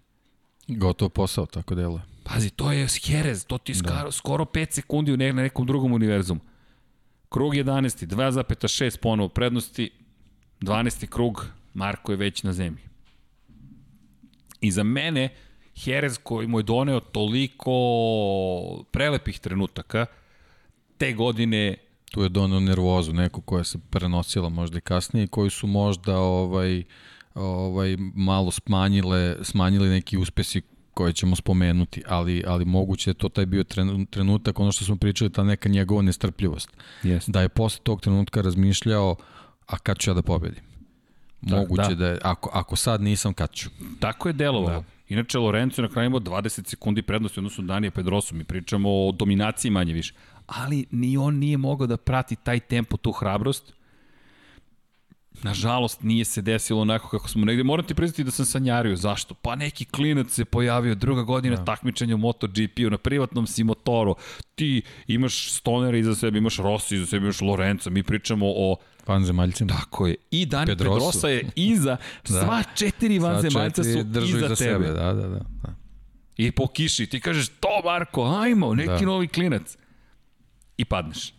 I padneš, i padneš na sledećoj trci ponovo u Portugali. I pazi, sada ti u prve tri trke imaš isti broj padova kao što si imao prethodne godine. Kao što si imao prethodne godine. Pritisak. Pritisak, a, a čekaš da Honda donese neku odluku vezanu za tebe. Tako je. To je baš onako nezgodno bilo u tom trenutku, da, sasvim sigurno. Tako je. Da li ćeš ti biti taj koji će naredne godine sedeti na, na HRC Hondi ili nećeš? Bukvalno to je ono pitanje koje se sada postavlja i nažalost trka koja je došla por, posle Portugalije je trka koja je, rekao bih, promenila rekao bih promenila sve. I ovde imamo i jedan rekao bih, lični moment. Ovo je sa Danijem Pedrosom, gde, gde, gde, gde mi dolazimo u Francusku u momentu kada se on bori na jedan impresivan način opet za visoke pozicije. Pazi, mi pričamo opet o jednom od vanzemaljaca i imamo sekvencu od tri fotografije koje su, rekao bih, opisale pa opisalo sve ono što kasnije dolazi. Mi govorimo o o incidentu, ko ne zna, to to iz Lemana, čuveni incident, bitka između Danija Pedrose i, i Marka Simoncellija, ono što je fascinantno tu Dani, ne zaboravimo, ma, malo samo da vratimo filmu nazad. Pričali smo o toj generaciji gde on deli sezonu sa Danijem, sa Caseyem, sa Jorgeom, sa Andreom, mi dolazimo sada da je on rame uz rame sa njim u Moto Grand Prix. 2006. godine Dani je stigao u Moto Grand Prix trebalo je da bude sledeći šampion Moto Grand Prix za Honda Repsol ekipu. Bio je te godine Niki Hayden, čuveni incident u Portugali kada izbacio Haydena sa staze. 2007. je trebalo da bude šampion sveta. Casey Stoner postaje šampion sveta, Dani nije šampion. 2008. Rossi ponovo postaje šampion sveta. 2009. ponovo Rossi postaje šampion sveta. 2010. Jorge Lorenzo postaje šampion sveta. Dani juri svoju titulu. To je njegova titula. Na prethodnoj trci, da, pobedio ga je u tom momentu. Pobedio ga je prosto Jorge Lorenzo. Ali Dani ne odustaje u šampionatu sveta. To je ta godina kada on ima šansu da postane prvak i ulaze u duel. Svako se tu bori za sebe. svaki bod važan zbog Stonera, zbog, zbog ekipe, ostale jednostavno svaki poen mu je bitan. Lepo si rekao, ko je te godine stigao u Hondu, u Repsol Hondu, ko je otišao iz Ducatija, a došao na njegovo mesto Valentino Rossi, Casey Stoner. Casey koji je u Hondi. Dani ima ogroman pritisak. Na, na, u tom momentu, posle tri trke, posle Katara, Španije, Portugalije, Lorenzo 65 poena, Dani Pedrosa 61, Casey Stoner 41, Pazi sad ovo, ovo je, ovo je meni krajnje zanimljivo iz današnje perspektive. Valentino Rossi je četvrti, 31 poen. Sedmi, peti, peti. Inače, podigao je motocikl u Herezu, tu isto čuvena scena. Kada je on podigao, redari su njemu pomogli, redari nisu hteli da pomogli, to je pokušali kratko da pomognu Casey i onda ga ostavili da se sam uči sa Hondom. Inače, taj incident je doveo do toga, pošto Stoner nije mogao sam da pokrene Hondu, bila je katastrofalna za, za, za, za, za samostalno pokretanje, i dovela do toga da promeni način kako postavlja zapravo i menjač i kako uopšte pokreće se motor da bude mnogo jednostavnija Honda za pokretanje. Jer to je bila situacija u kojoj izleti vozač staze, ne može više da pokrene. Kraj, pazi sad, to, su, to se sve dešava u tom Herezu. Portugalija, Lorenzo je drugi, Dani pobeđuje. Znači ima, tre, dakle, ima, izvinjam se za znači, to je sad već upo samo kafanski razgovor, to nećemo. Treća pozicija za Danija Pedrosu. Druga pozicija za Danija Pedrosu. Pobeda za Danija Pedrosu. Mi stižemo u Francusku, on je četiri poena iza Jorgea Lorenza. To je ta bitka. Stoner ima pobedu treće mesto, Rossi ga izbacio iz, iz Hereza sa staze. Ko se jedini penje na pobedničko postolje? Stoner, Pedrosa, Lorenzo. Jedini izuzetak Niki Hayden u tom čuvenom Herezu kada je bio treći. Lorenzo, Pedrosa, Stoner. To su pobednička postolja. I, Vanja, možeš da nam daš sekvencu. Marko Simoncelli, Dani Pedrosa. Ovo je rezultat. Slomljena ključna kost. Sa spoljne strane napao, niko ne očekuje napad sa spoljne strane. Niko nikada nije izveo napad sa spoljne strane. U, I Dani Pedrosa prosto trkački incident, ali ne napada se, toliko se redko napada sa spoljne strane da je obio šok potpuni, kasnije doveo do nekih nemilih scena u Muđelu, ali to je početak Pa i, te istorije. Da, i jednostavno ovaj incident je podelio i, i moto javnost Jest. u tom trenutku i to je ono isto što je što je ovaj što možda nije trebalo Marku u tom trenutku jednostavno da tako kažemo španski deo Moto Grand Prix i naravno svi su stali u stranu Pedrose i, i nije za zanemariti da, da, da i Repsol kao, kao, kao deo Honda jednostavno možda u tom trenutku počeo da, da hvata u ruke gumicu kojom bi obrisao Simončelija za, za sledeću sezonu. Tako da jako je nezgodno bilo. Svi ostali su bili na njegovoj strani. Ovaj, to je baš onako uzburkalo ovaj, čitavu javnost i njega ponovo stavilo u taj neki fokus ovaj, kao, što su, kao što su bile neki dueli u 250 kubika ovaj, što smo spomenjali i Barberu i tako dalje. Ovaj, tako da taj trenutak uh, u, u svu tu borbu za, za, za podijum koji mu, mu je bio neophodan da, da, bi, da bi dokazao svoj kvalitet uh, zaista je došao u nezgodnom trenutku. I ono što je to poseban problem posle te francuske, inače Lorenzo je bio četvrti u toj trci, to je bila srećna okolnost za, za Danija, međutim pobedio je Casey, Stoner, 66 pojena Stoner, Dani Pedrosa 61, 78 Lorenzo, Andrea Dovizioso 50 bodova. Sledeća trka, Velika nagrada Katalonije. Inače, tu smo imali takođe čuveni incident tokom konferencije za medije, kada je Jorge Lorenzo rekao da se plaši zapravo za, za svoj život kada je reč o Marku Simončeliju koji je izjavio šta, šta ću da uradim, da vas upucam. Da, dakle, eskalacija reči, način komunikacije, pričemu mi dolazimo u Kataloniju. Mi da, s tim što ne treba, ne treba ovaj zaboraviti da se i Rossi uključio u izjave Jeste. gde je počeo da govori da Marko bi morao malo više da vodi računa i da smanji broj grešaka. Tako da to su sve stvari koje su ovaj veliki pritisak na njega, na njega ovaj vršili u tom trenutku. Pazi, u tom momentu on ima dve nezavršene trke i jedan ozbiljan incident sa vozačem potencijalnog budućeg poslodavca. Koji se bori za titulu. Koji se od tog momenta više ne bori za titulu. Da, od tog momenta više ne. Da. Od tog momenta se više ne bori za titulu i to je ono što je bio ogr ne ogroman problem. Pride, dolazite u Kataloniju, gde je Dani trebalo da bude jedna od zvezda, Danija nema. Dani ima slomljeru ključnu kost, Dani ne izlazi na stazu. I Pedrosa to nije zaboravio, pričat ćemo posle o tom incidentu kada je on odbio da, da se rukuje, to je incident koji ima i pozadinu priče, sport klub je direktno hajde da kažemo, uključen u, u, u sve to, vidjet će ti taj moment koji, koji, koji smo mi snimili. Ekipa sport kluba je to snimila. To je ono što je meni fascinantno, učestvovali smo u delu globalne istorije, ne mogu da kažem da sam pretredno srećan iz današnje perspektive kako se sve to na kraju okončalo, ali za nas je to bilo potpuno neverovatno da se takve stvari dešavaju. Bitka od tog momenta je nekako bila Marka Simončeli da spasi svoju reputaciju. I to je išlo baš teško. Da. Baš teško. Šesta pozicija više postala potpuno nevažna. Šta da, god pokazuje, da brz je, brzina postoji, sve postoji, ali jednostavno ponašanje na stazi je, bez obzira bio kriv, ne bio kriv, jednostavno da, u suviše spornih situacija se nalazio i sad već je, već je neki deo javnosti počeo da, da mokreće leđe. A, to, je, to je bio taj problem. A Dani Pedrosa se ne, ne vraća na stazu. I ne vraća se na stazu. Jedna od najvećih zvezda šampionata sveta se ne vraća na stazu. Casey Stoner koji počinje da dominira. Počinje da dominira. Da. Pobjeda, da. pobjeda, pobjeda, drugo mesto. Dani koji četiri trke propušta Francusku, Kataloniju, Veliku Britaniju i Holandiju, a njegov klubski kolega od maksimalnih 100 poena je osvojio 95 poena katastrofa. 136 Tako se to bodova. radi. Tako se to, tako, se tako to radi. Casey to tako, tako radi. Tako se to radi. Casey koji je došao i seo na Honda i rekao, dozvolite. Prva trka u karijeri treba titula, pa evo, ja ću da vam isporučim. Ja ću da mi da. Jedini put da. kada nije završio trku i nije bio na pobjedičkom postolju u tih prvih sedam trka jeste taj Jerez, gde je mogao takođe da bude na pobjedičkom postolju. I to je ta veličina Casey Stonera koji je osvojio titule i na Ducatiju i naravno na, na, na, na, na Hondi Problem, međutim, se nije završio za Marka Simončelija. Prosto ta godina je, je blago rečeno krajnje problematična.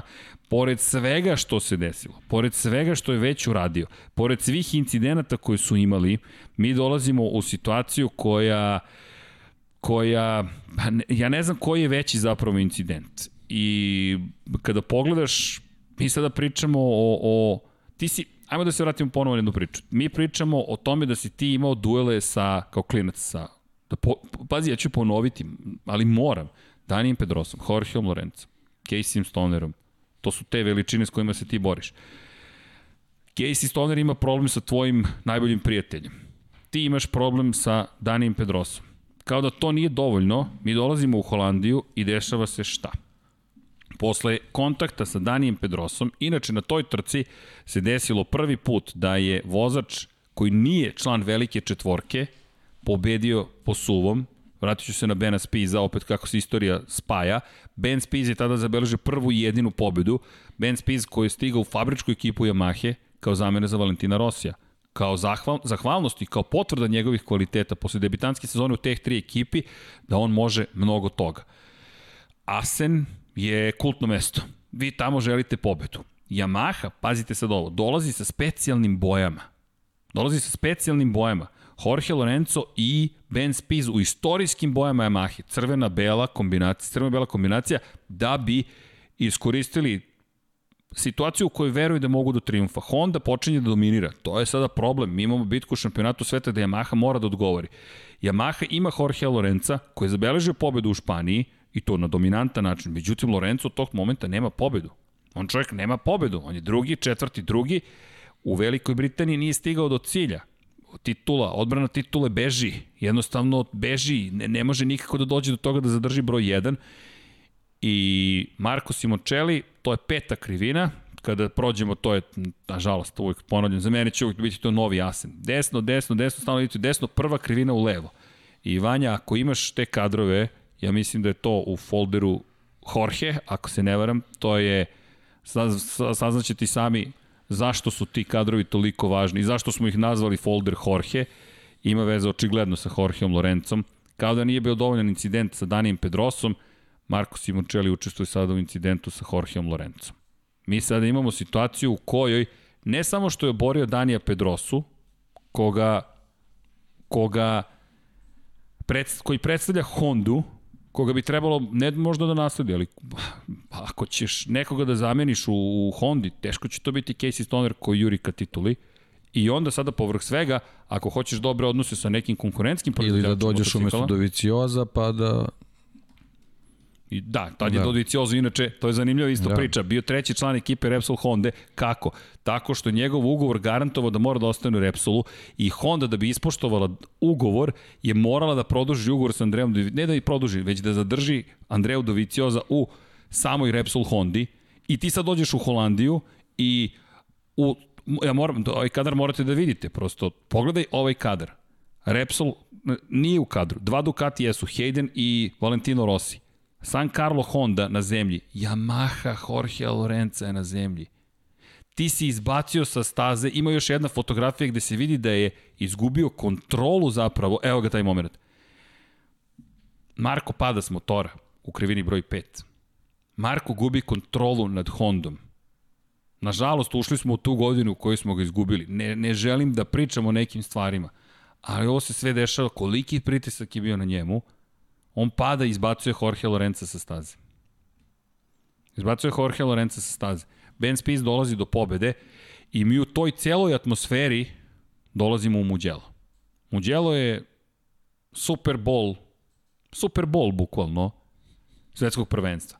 Mugello je mesto gde se potpisuju ugovori. Mugello je mesto gde se najviše završava posla. Mugello je domaća staza za Marka Simončelija, za Valentina Rosija. Rossi prvi put na Ducatiju stiže u Mugello. Marko Simoncelli za San Carlo Honda Gresini tim je jedna od najvećih zvezda tog vikenda. Ko se vraća na stazu? Dani Pedrosa. Dani Pedrosa i žao mi je što je takva istorija, ali za sport klub i za nas je to prva naša poseta stazi i prenos sa staza, sa lice mesta. To je luda akcija bila. Nije bilo planirano. Cok, Zoran Milutinović, snimatelj i, i ja smo otišli kod direktora sport kluba i rekli mi hoćemo da prenosimo trku sa lice mesta, donećemo ti nebrojeno kadrova, sad obećavaš sve što želiš da obećaš jednom šefu, samo da te pusti da ideš da radiš nešto što voliš, naći ćemo mi pare, sve ćemo da organizujemo i sponzore, i ona gleda kao zaista dva, dva, dva haotična čoveka i kaže, idite. Mi se akreditujemo, sve završimo, odemo, mi nemamo predstavu šta treba da radimo. To, mi smo prvi put na stazi iz te perspektive. Ne kao gledaoci, već sada kao ljudi koji imaju ulaz manje više svugde. Ti si televizija, jedna kamera sa kaseticom Super 8, nema digitalne kamere, stižemo, četvrtak je, i ti si kao malo dete, hajde da snimamo garaže, hajde da snimamo, ne znam, sve, sve, sve, sve, znaš i sam, deki, da, baterije, nema više baterije, mi, smo, mi nismo znali kako, mi smo došli, pa sad pitamo pitanja koje su nemušta kako se rezerviše sto? Kako mi sad da zakupimo sto u, u, u, u medijskom centru? To si me ti naučio. Samo upiši svoje ime na nalepnicu. Nisi to mora da kažeš. pa čekaj, ali to je istina. Da, da. Zašto to govorim? Ljudi... To niko ne proverava. Tako je, to niko, da. ne, niko ne zna. Da. Nisu to pisana pravila. Vi to naučite kroz razgovor sa, sa iskusnim starijim kolegama. Mislim, generalno to svi poštuju. To svi poštuju. Vi kada upišete ime, to je to. Tako je. To je zakon. Tako je. Ali ja nisam to znao dolazi u Brnu 2011. gospodin Deki Potkovin kaže Ne, Erceg, samo upiši ime i prezime. E sad, mi smo upisali u Muđelu ime i prezime, ali mi nismo imali pojma, kao, pa, cok, niko ne gleda, upiši. kao, da, kao da je to neka krišna stvar. Ljudi, niko vas to ne uči. Ne postoji škola koja vas to uči, zato mi delimo svoje iskustvo. Zašto? Budite hrabri. Pitajte. Neznanje nije problem, iluzija znanja je problem. I mi dolazimo, potpisujemo se i mi sada krećemo da vršljamo po svim garažama i gde smemo i gde ne smemo. Mi samo pitamo, može, može, i ti pitaš, ljudi kažu, ma može. Dolazimo, međutim, Cok je nosio čirokanu, pocepane pantalone i duboke čizme. A to je jul. To je, dosta je toplo u Muđelu u tom momentu. Nema veze, on je motociklista. Dolazimo do medijskog centra, tu je zvanična konferencija za medije, krećemo da uđemo unutra, Coka zaustavljaju i kažu ti ne možeš unutra. Zašto? Prvo naša kamera izgleda kao da smo došli sada iz Radio Šeka ili nečeg sličnog i da smo uzeli nešto što 10 godina staro. Nije, sport klub nije planirao tada da radi reportaže. Mi smo zamolili kolegu sa sport kluba da nam pozemi jedinu kameru koju smo imali. Dolazimo, ulazimo i sad treba da uđemo u medijski centar, ne medijski centar, već u konferen, so, salu za konferencije. I kažu Coku ti ne možeš unutra. Ja prilazim u čemu je problem. Ne, on ne može, on sa vama je, jeste, ali ne, nešto nam objašnjavaju, ne može, ne, ne, on ne može unutra, nikako ne može da uđe unutra. Ja kažem, Cok, ajde, molim te da ne pravimo probleme, idemo unutra, budi ispred, sačekaj samo da čujem šta se zbiva unutra i kada izađem, idemo dalje. Konferencija za medije, Casey je tu, Dani je tu. Iz moje perspektive, ja sam unutra, Ulazi Pedrosa, ulazi Casey, ulazi Valentino, Sve ulazi Dani. Sve planirano. Sve je normalno, oni da. nešto ću časkaju, časkaju, časkaju, časkaju, časkaju, časkaju. Svašta nešto časkaju. Mi odlazimo u hotelsku sobu to veče, sve smo snimili, pretrčali stazu, ne znam šta sve nismo uradili. I Cok meni kaže, Ercek, slušaj, imam kako Stoner odbija da se rukuje sa Simončelijem. Čekaj, što bi Stoner odbio da se rukuje sa Simon Čer, ne, ne ide mi u glavu. Jedini ko bi mogao da odbije Dani Pedrosa. Ali pazi, ovo je sad novinarski moment. Meni se budi fascinantna ideja da smo mi možda snimili Svetski, svetsku ekskluzivu, ne mi, cok, ja s tim nemam nikakve veze, ja sam naslonjen na zidu unutra u komsali za konferencije. Dolazimo u hotelsku sobu, toga se sećam. I kako kažem, ajde pusti mi da vidim šta si to snimio.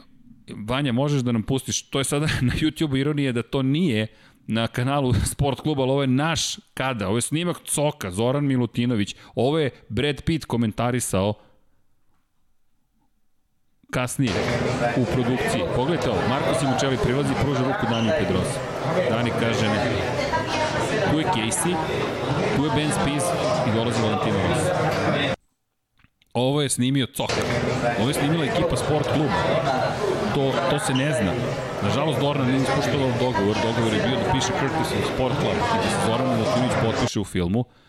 Zaboravili su. To je bilo objašnjenje kada je film izašao. Ja nisam zaboravio. I pozdrav za Cok. Trebali ste sad da stavite. Sta vidi, stavit ću, pustit ću da. ponovo. To je da. Zoran Milutinović Cok snimio. To je njegov. Kako je snimio? Posle mi je objašnjavao, ja gledam, prvo, pa ajde samo ovaj detalj. Ja gledam u šoku. Mi imamo Danija Pedrosu kako odbio da se rukuje s Markom Simučeli. Ljudi, to, to, se, to, je, to se ne radi, evo. To se bukvalno ne radi. Bez obzira na sve, pružio ti ruku, došao da se izvini. Taj momak ima 24 godine u tom trenutku. Da, svi ste vi generacija. Ništa to nije namerno. Nije namerno. Prosto to je, u trenutku ti kažeš, ne, ne, skloni se od mene. Ono što je problem sutra ujutro, bruji Čaršija Moto Grand Prix da je Pedrosa odbio da se rukuje. Ali on poriče, on kaže nije tačno. Pazi, Dani Pedrosa to poriče. Mi imamo kadar koji kaže da to nije istina, da laže. Evo ja ću da izgovorim to. To je laž, ti poričeš pred medijima da si to učinio. Okej, okay. ja odlazim u Dornu. Pazi, ja nemam pojma kako sada da proširim taj snimak. Ljudi, to je pre mogućnosti, mi, prvo, da bismo mi taj sad snimak digitalizovali, mi nemamo opremu, mi moramo nazad u Beograd da se to neko skine, pa sad mi to da podignemo, pa negde da postavimo, pa kako će to da ide? Twitter koristimo, to ljudi nije kao danas, danas bom, Instagram video, bum, mislim da bi Cog danas bio slavna ličnost, imao bi milion pregleda, verovatno. I odlazimo u Dornu i kažemo, imamo snimak Danije Pedrose kako odbede se ruku sa Simončelijem. Šok potpuni šok. Inače, na naše pitanje i zahtev za akreditacije, pošto sam napisao ne, ne, ne čaršaf, nego sam se obratio na najličniji mogući noć, su zvali da pitaju direktora da li, da li postoji osoba mog imena i prezimena na sport klubu. Ja rekao, postoji malo je lud, ali ne brinite, neće vam ništa. To je bio odgovor zvanični. I oni su ljudi očekivali, ok, mi sada dolazimo sa svetskom ekskluzivom, Cok koji u svojim sečenim pantalonama, inače izvinili su se kasnije, ne tada, već su se ju, juče kada smo izašli iz medija centra, su došli da se izvini, izvini ekipa Dorne, rekla greškom su ga nismo pustili, nismo znali da je on deo sport kluba ekipe. Izvinjavamo se. Tako da, znaš, i oni pate, svi pate od toga kako si obučen. Ma dobro, naravno. To, to ti je, nisi u delu, ali Coki nastavio da svoji nosi duboke čizme i sledeći put. Kad smo intervjuisali Marka Simončeli u Brnu 2011. I dolazimo, dolazimo do Dorne, dajemo kadar i to je sad odlazi u Media Hub. To se deli svim medijima, svim medijima, međutim zanimljiva priča. U petak snimak ne stiže ni do jednog medija. U subotu snimak ne stiže ni do jednog medija. Mi sada već počinjemo da paničimo da, zato što Dani Pedrosa, da taj snimak neće niko zapravo dobiti nikada.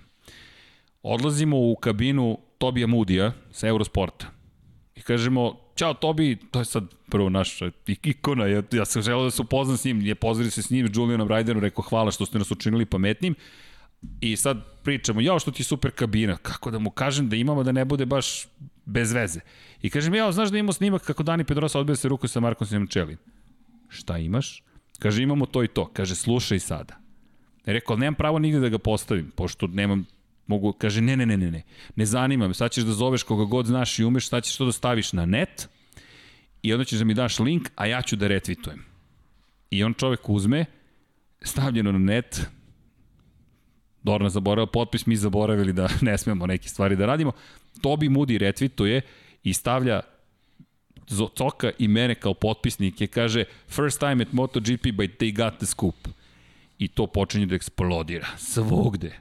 Nama prelazi ekipa pop televizije iz Slovenije. Hvala, čestita. Potpuno ludilo. Pazi, mi sad učestvujemo u nečemu ni krivi ni dužni, uslovno rečeno. Ali to je i poruka Infinity Lighthouse-a. Mi verujemo u te lude ideje, snove, da sve može. Te, nismo mi to, nema što ne može da se isplanira. Coki, inače, šta uradio? Kad je skontao da se nešto zbiva i da može da snima stonera, spiza, ekipu, stavio je prst preko crvene lampice, pošto izgleda kao da zaista da ne pripada tu. Bojca smo izgledali čudno, ja malo šarenišu nekom, on kao Kaj Ebel možda me inspirisao da se oblačim, a ovog čoveka je inspirisao motociklizam i on stoji i deluje tako naivno, drži ruku ovako, sakrio crvenu lampicu i snimio sve. I niko nije ni slutio da ta kamera beleži istoriju. Pa pogledaj snimak, snimak je 4-3, jedva izvučen sa trake, ali se jasno vidi ko su akteri. Sve se vrlo jasno vidi. I ekipa sa Pop TV-a hvala im. Nama je trebalo, ne, trebalo da čujemo, ne, kažem bravo, svaka čast za momci, za, mi nemamo pojma da se sad priča o sport klubu. Ko je sport klub? I Cok, to je sve Cok uradio. Dobro, zajedno smo, ja sam malo to proširio, to je moj posao da širim vatru i, i to je postala ozbiljna priča u Muđelu. Bukvalno o tome se pričalo i sad ti jednom misliš kako, eh, super, nešto smo uradili i posle to postaje neka tužnija priča, ali morao sam da podelim prosto. Prosto nekako budeš deo neke istorije koju ne očekuješ da ćeš biti. Ne očekuješ da ćeš biti deo bilo čega sličnog. Cok sad živi u Kanadi, pozdrav za Coka, na, poslaću mu ovaj link. Cok koji je posle snimio i kultni intervju s Markom Simončelijem. Pošto smo onda u Brnu rekli, e sad idemo kod Marka Simončelija, međutim, kada je reč o priči Marko Simončeliju, ta trka opet nije bila ona trka koju su želi. Marko bio peti na kraju te trke. Pobede pripala Lorencu, jedna od njegovih prvih pobeda, Mugello, počinje ta, tad je nosio kobre. Da.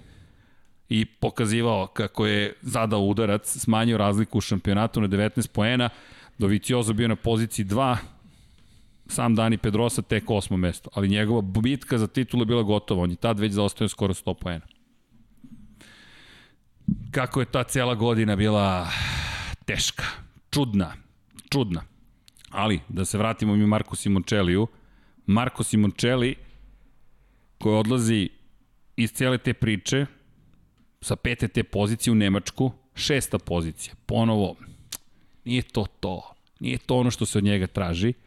Stižu Sjedine američke države. Kažeš, ok, sad će doći taj njegov trenutak, sad će Marko da nam svima pokaže taj deo priče, da šta može, šta zna, šta, šta će učiniti Marko Simoncelli i sve čekaš, čekaš kada će da se desi to nešto, on izlači sa staze. Ne završava trku. Da li je moguće da sada u trenutku kada mi očekujemo da, da, da će doći taj moment da, da, da on neće završiti trku. Da, to se upravo događa. I ti kažeš, ok, šta sad više ovaj dečko treba da učini? Mi pravimo pauzu, odlazi ceo karavan na pauzu i dolazimo gde je deki, dolazimo negde gde smo se sreli.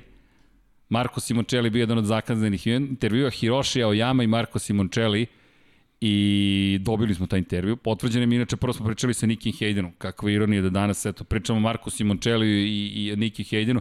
Niki koji je negde žurio i samo nas je pozdravio i onda smo počeli da pričamo sa Markom, došli smo do Marka i Cok. Kažem, mnogo je važan, važna je, važna je ta ljubav prema motociklizmu. Cok koji kaže, ej, slušaj Erceg, ajmo da napravimo ludi intervju. Ajmo da napravimo intervju koji koji niko, da postavljamo pitanja koje niko ne postavlja. Svi ih pitaju kakva ti je staza, kako ide motocikl, šta očekuješ od hiljadarki. Vidi, to će svi da urade. Ajmo mi da pitamo nešto što ga niko neće pitati. Bukvalno aj pitamo nešto što ga niko neće pitati. Dobili smo tada intervju sa Rosim, dva pitanja, pitali smo ga kako, i dalje daješ deo sebe posle svih ovih godina, ko bi pretpostavljaći 10 godina kasnije i dalje voziti i, i da to pitanje danas validno, kad je rekao moraš da daš deo sebe. Međutim, šta je učinio? Rekao, takođe smo ga pitali gde su najbolje žurke. To je bilo naše pitanje za, za, za Valentina Rosija. Pa čovjek, šta da pitaš čoveka, svi su ga pitali sa gde su najbolje žurke i u tom trenutku kaže, kaže Valentino Rossi, slušaj, najbolje žurke su na Ibici. Najbolje žurke su na Ibici. Mi kažemo, ok, dolazimo mi do Marka Simončelija, to je pre trke, i pitamo ga, ok, Marko, ajmo par pitanja. Gde su najbolje žurke? A, to, to je lako. Kod mene, kod kući, kod mene. dakle, zna se ko pravi najbolje žurke. Koje motore voziš? I kreće. Superbike mi je za ulicu, za plažu mi je ovo je Honda, za ovo mi je ona Honda kad ćeš da se šišaš, pitanje gledalac. A, nikad neću da se šišam. I tako smo se nekako zabavili prosto s Markom baš mi je bilo zabavno, prosto bilo zabavno i on se negde raspoložio, nismo nijedno pitanje postavili koje ima veze s motociklizmom. Hiroshi smo isto pitali, ali Hiroshi u tipičnom japanskom maniru bio zbunjen našim pitanjima, zašto me pitate o žurkama i ajmo da pričamo o motorima, ali opet bio to lep intervju sa, sa, sa, sa Markom i sa Hirošijem i to je opet taj, ta cela priča. I Brno donosi šta?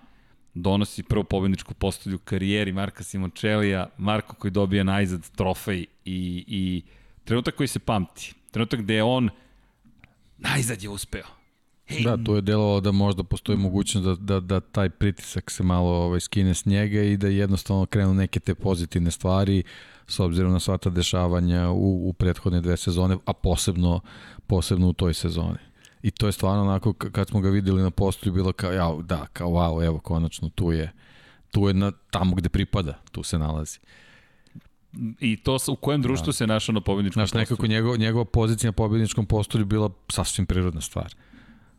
Znaš, nije, nije izazivala neku euforiju, neko pretrano oduševljenje. Mislim, ne znam, ja to tako sad iz ove perspektive gledam. Bilo je jednostavno kao da, da on, on tu pripada, mora tu da se naći. Čekaj, pogledaj kačket, naopačke je stavljen, tu su naučare za sunce, čekajte ljudi, to je i sponsor Cardio na B, čuveni Karel Abraham, vlasnik kompanije, vlasnik staze, ali kakav moment. San Carlo Honda ima tu još, još jedan, za mene, rekao bih, fascinantan kadar kada govorimo o ovom pobedničkom postolju u Brnu, ne samo što se popeo na, na pobedničko postolje Marko, već društvo koje on imao, evo, bacit ćemo mi tu fotografiju, društvo koje je imao u tom trenutku je takođe fascinantno. Zašto? Pričali smo o tome, mi imamo tri Repsol Honda, to sam zaboravio da napomenem, hvala ti, ali to je, to je nevjerojatna godina da ti imaš u garaži Andreu Dovicioza, imaš Danija Pedrosu, imaš Casey Stonera, pazi ti tu Honda, Repsol, koja je to moć, koja je to sila, pa ako tad ne osvojiš titulu, kada ćeš da je osvojiš? Sjećam se na kamionu, ovaj, po, na, na baneru pored kamiona stajalo je 27, 4, 26 i 93. Čekaj to sad. su bili brojevi, da. Pogledaj pobedničko postolje. Pogledaj pobedničko postolje. Casey Stoner je tu. Andrea Doviciozo, malo mlađi, sa leve strane i pored svih njih, pored tri Honda Repsol vozača, ko stoji u Brnu na pobjedničkom postolju? Pot... Džin. Džin, po, da, pogledaj ga da, koliki je da. Džin, lepo si rekao, da, njegova ramena su tu, nivou ušiju Casey Stonera, pravi Džin. Pravi Džin. Fantastično. I to je to pobedničko postolje. I Honda, i seća se reči Shueya Nakamoto koji kaže možeš ti bolje aman ljudi, recite to mu je, da, bravo. Da, ne, ne, to je, to je to neko njegovo prokledstvo bilo da jednostavno on je dolaskom tamo u Moto Grand Prix društvu bio predodređen da mora da uspe. I to je možda taj pritisak koji ga je, ovaj, s kojim je morao da se nosi sve vreme. Pa evo, ti i ja šta smo sada upravo rekli? Dakle, ti si upravo izgovorio da je to nekako prirodno da on bude tu. Da to, šta je tu neočekivano da on bude taj koji, koji je tu? Znaš, kad pogledaš tu fotografiju, kao da, je, kao da ih je pre toga već 20 takvih bilo.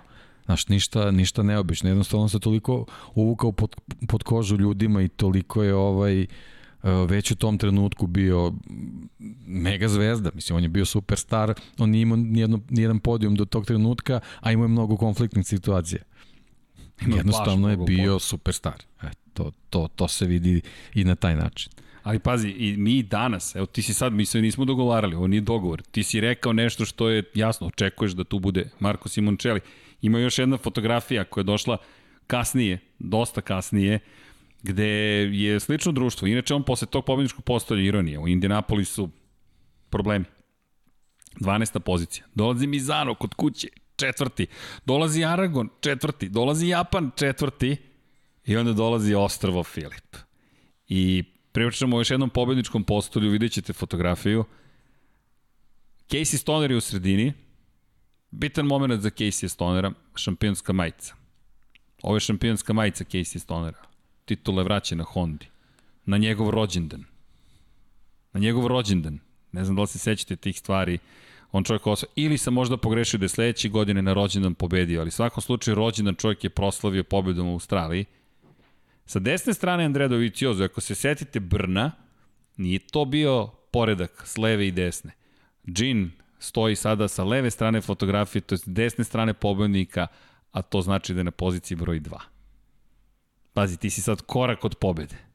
Ti si sada I korak od pobede. Ne mogu tačno se setim, ali mislim da su ovom, ovom trenutku on već zna da će fabrička Honda biti njegova sledeće godine. Jeste. Ti već, mi da. već znamo Da. I delo je da sve kreće uzlaznom putanju. Da, da ide tamo gde bi trebalo da ide. Da. Da. Nažalost, došli smo do momenta koji bismo volili da izbegnemo. Ne znam kako da ovo ispričamo da nekako to ostane pozitivno, bilo šta, nema ničeg pozitivnog tu. Dolazimo do Malezije. Da. Gde je izgubio život to je tek isto jedna čudna čudna priča. Pa da, i sve se, sve se dešavalo, eto, ono još uvek je bilo sveža, sveža pogibija Šoeto Mizave prethodne sezone, Jest. gde, gde su se ljudi koji prate ovaj, te šampionate ovaj, još jednom podsjetili koliko je opasan taj sport i da jednostavno kakve god mere bezbednosti preduzete, kakve god napreci na, na tom polju napravljeni, jednostavno to se dešava. I ovo, eto, nažalost, to je, to je nekako ovaj, vezalo se jedno s drugim, a meni onako posebno ovaj, vezano za, za, za, za, za taj čitav vikend i kao da nije bilo dovoljno to što se desilo Simoncelli desio se udes Dena Veldona, to je onaj, onaj katastrofalan udes, ne znam nija koliko automobila na, na trci ovaj Čemkara, tako da to, to nekako kad se desi onda čitav vikend bude katastrofa i crno, ovaj, eto, to je, to je nekako utisak cele te priče. Pa nažalost ovo je jedna od tih fotografija iz tog perioda. Nemamo namjeru da vam, da vam dajemo fotografije bilo kakvih incidenata ili bilo čega što se desilo tokom same trke, zaista mislimo da nema potrebe za time. Marko je prosto nestao. Da. Nestao je. Sjajno je krenula ta trka, ovaj, tri Repsol Honda su izbile na čelo, yes. on je bio četvrti odmah i bio za njima i to je ono što smo i pričali i pre ovog, ovaj, tu je vodio borbu sa Alvarom Bautistom. Eto, nekako u Maleziji koja je donala toliko radosti u prošlosti, toliko triumfa i uspeha, borio se ovaj za poziciju sa sa čovekom koji je obeležio jedan deo njegove karijere. Ispred njega su bili vozači koji treba da nasledi u Repsol Hondi. Jednostavno eto sve sve se tu nekako nekako povezalo. I onda ironija Colin Edwards da. i Valentino Rossi koji su iza njega. To ja mislim jednostavno to je to je igra slučaja. Znači to taj, to je tragedija. Da, to nešto što se izda dešavalo, to ne bih, ne bih nikad ni, ni vezao u tu priču, ovo je, nažalost, eto, to je, to je ono ono što što će Valentina da da prati čitav njegov život, to nego jednostavno i taj neki splet okolnosti ovaj da da ono prvo je izgubio zadnji kraj, pa izgubio prednji i ono sve što je vodilo ka tome da taj motocikl inercijom ga iznese sa staze, te gume su nekako sačuvale prijanjanje i on je nekako čudno, potpuno onako neprirodno ovaj, se vratio na stazu i eto, desilo se to šta se desilo. Ovaj, I od tog trenutka eto, imamo tu legendu o, o, o Marku Simoncelli u kojoj eto, eto, traje i danas. Mislim, eto, i, i samim s ovim ti ovaj, radiš podcaste gde kad dođeš do nekog broja koji se povezu za njega, jednostavno se zaustavi, ne pričaš o aktualnim stvarima, nego se podsjećaš njega. To je to. Je to, to je. Jednostavno, da Moraš i ne samo moraš. To je taj njegov, njegov legat, ta, ta, ta, ta neka zaostavština. Ovaj, Pogledaj I, Da. Ovo je sledeća trka. Čovjek koji je relativno malo vremena proveo u Moto Grand Prix-u, ovaj, da, da jednostavno ostavi takav trak, to je, to je, i to je uspeh. Nezapamćeno. Da, i to, to, je, to je ravno titulama. Neza, bukvalno nezapamćeno i jedan od, jedna od stvari koje ne, ne znam ni kako bih to opisao, volio bih, Vanja ima jedna fotografija koja isto ovako, ovako da kažemo, gužvu slehkuje, ali ima veze opet sa celom pričom o, o, o, o, o tome gde je počelo, kako je to počelo, gde je prvi put bio na stazi Marko Simoncelli, meni je fascinantno i lepo si rekao, evo, mi, ti i ja radimo podcast, ne samo mi, to je i cela ekipa, svi koji gledaju, Tom Pablo, Ivan je tu, Vanja je tu, da, ponestaje ti reči u tim situacijama. Međutim, kažeš sebi, ej, znaš šta, ajmo da ispričamo priču o momku. Da ispričamo priču. Mi smo ostavili još jednu priču, o, ovo je meni, ovo je da ti suze krenu na oči, bukvalno, ovo je brno, ljudi. ovo je brno. Ovo je prosto tribut to Marko Simoncelli. Pogledaj energiju koja je tu pokrenuta, da bi odali počast prosto nekome ko je sa 24 godine. On je čovjek koji je pomerio čitavu zajednicu i to je, Jest. to je jednostavno, ovaj, kako bih ti rekao, potpuno očekivano i nije moglo drugačije da se desi. Ovo je moment kada njegov otac Paolo Simoncelli preuzeo medalju koja se daje legendama ovoga sporta. U čitoj priči, mislim, nismo ni spomenjali njegovu porodicu. Ne. To jednostavno od tog trenutka kad, kad, kad smo ostali bez njega, mislim, njegov otac je bio bukvalno na, na licu mesta ovaj, u On trenutku. Je da, jest. da, ovaj, jednostavno kako su oni, kako su oni ovaj, hrabro tu, tu čitavu ovaj, situaciju izneli i jednostavno kako su, ne mogu da kažem, se pomirili, ali jednostavno su bili svesni rizicima koje, koje donosi taj, taj motociklizam, mislim, i oni su čitav život proveli u tome i njegov otac i sve, ovaj, kako su, ovaj, kako su slavili ovaj, njegov život i kako su na, eh, kasnije sa, sa nekim svojim aktivnostima jednostavno doprinali tome da, da, da Marko živi na drugi način. Tako da i njegove porodice zaista treba ovaj, dati veliko priznanje kako su izgurali čitavu tu situaciju kad su ostali bez njega. Da, kada vratiš ovako da premotamo film, ovo je inače kuća koja je jednostavno posvećena Marku Simončeliju, postoji muzej, postoji mnogo lepih priča o Marku Simončeliju, šta god da ispričamo, nećemo sve ispričati, uvijek će nedostajati još nešto u, celo, u svemu tome. Na, naredne godine, inače u Muđelu 2012. je organizovan posebno, naravno, i posebno jedan pozdrav recimo Marko Simoncelli, ali ta trka 2011. godine, zadržao bih se ipak na toj 2011. godini, posle Malezije, smo došli u Valenciju. Trka je inače otkazana i mislim da u velikoj meri Šojina tragična pogibija godinu ranije u Mizanu uticala na to da bude otkazana trka Moto Grand Prix kategorije i nije ni smelo da bude drugačije. Znali smo da, da, da, da, da da su stvari ozbiljne kada je Carmelo Espeleta lično išao od garaže do garaže da kaže timovima i vozačima šta se desilo. I, nažalost, već smo pretpostavili otkazana trka. Kada je Šoja preminuo, trka nije bila otkazana. Vožena je trka, iako su tada već u Dorni znali šta se desilo. Ne krivim nikoga iz Dorne. Mi svakako ne da mi na pamet da, da, da, da na linč nekoga stavljam i to je situacija koju dok ne doživi niko ne zna šta da uradi u tom trenutku. To je šok I sad, da li nastavljamo, ne nastavljamo, šta radimo? Postupili su ispravno u Maleziji, nema trke. Nema, to, to, to nema nikakvog smisla.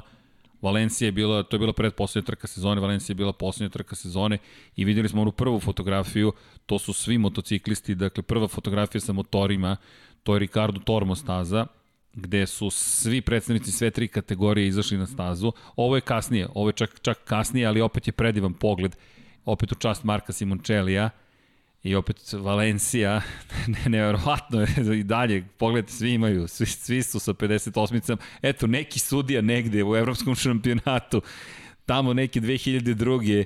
je stvorio Delić, ne Delić, stvorio je bukvalno istoriju. Marko, kažem, je ispošto, ne ispošto, ne ispraćenje, ali ono što je meni utisak, dva, dva utiska velika, jedan je opet neverovatna situacija, krenut ću od toga manje dobrog. Alvaro Bautista, kog si spomenuo, u prvoj krivini sa staza izbacuje Valentina Rosija u Valenciji, ne namerno, to je incident. Valentino Rossi koji nosi posebnu kacigu posvećenu Marko Simončeliju, cijela godina se završava padom. Cijela godina simbolično se završava padom i Bautiste i Rosija. Ali trku pre toga, Michele Piro, na San Carlo motoru, beleži prvu jedinu pobedu u svojoj karijeri u svetskom prvenstvu.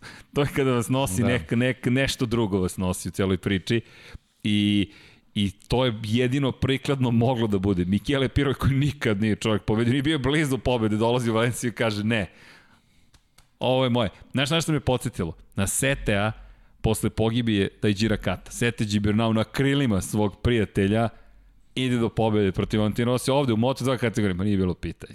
nije bilo pitanje, niko se nije žalio. Michele Piro, to je baš, baš bilo, baš bilo, baš blago rečeno emotivno. Ali smo ostavili jednu trku za kraj, jednu trku posebnu, koja ima veze sa Italijom. Zašto? Matija Pazini. Nam poznato to ime, spominjali smo ga. Zašto? Ovo je Ne, ne želimo da se nekako, pričat ćemo naravno, imate i priliku da postavite pitanja, ali ima ta jedna priča koja je nama makar fascinantna. Zašto? To 2009. Pričali smo 2008. eto incident u Muđelu. Tad je osvojio titulu, međutim incident sa Hektorom Barberom. I onda imaš jednu trku potpuno drugačiju naredne sezone. Ti se tu boriš da se vratiš u igru za titulu šampiona sveta, stigo si u svojoj Mugello, to je glavna trka u Italiji. Svi se time bave. Ti si zvezda. Ti treba da ideš u Moto Grand Prix kategorije naredne godine.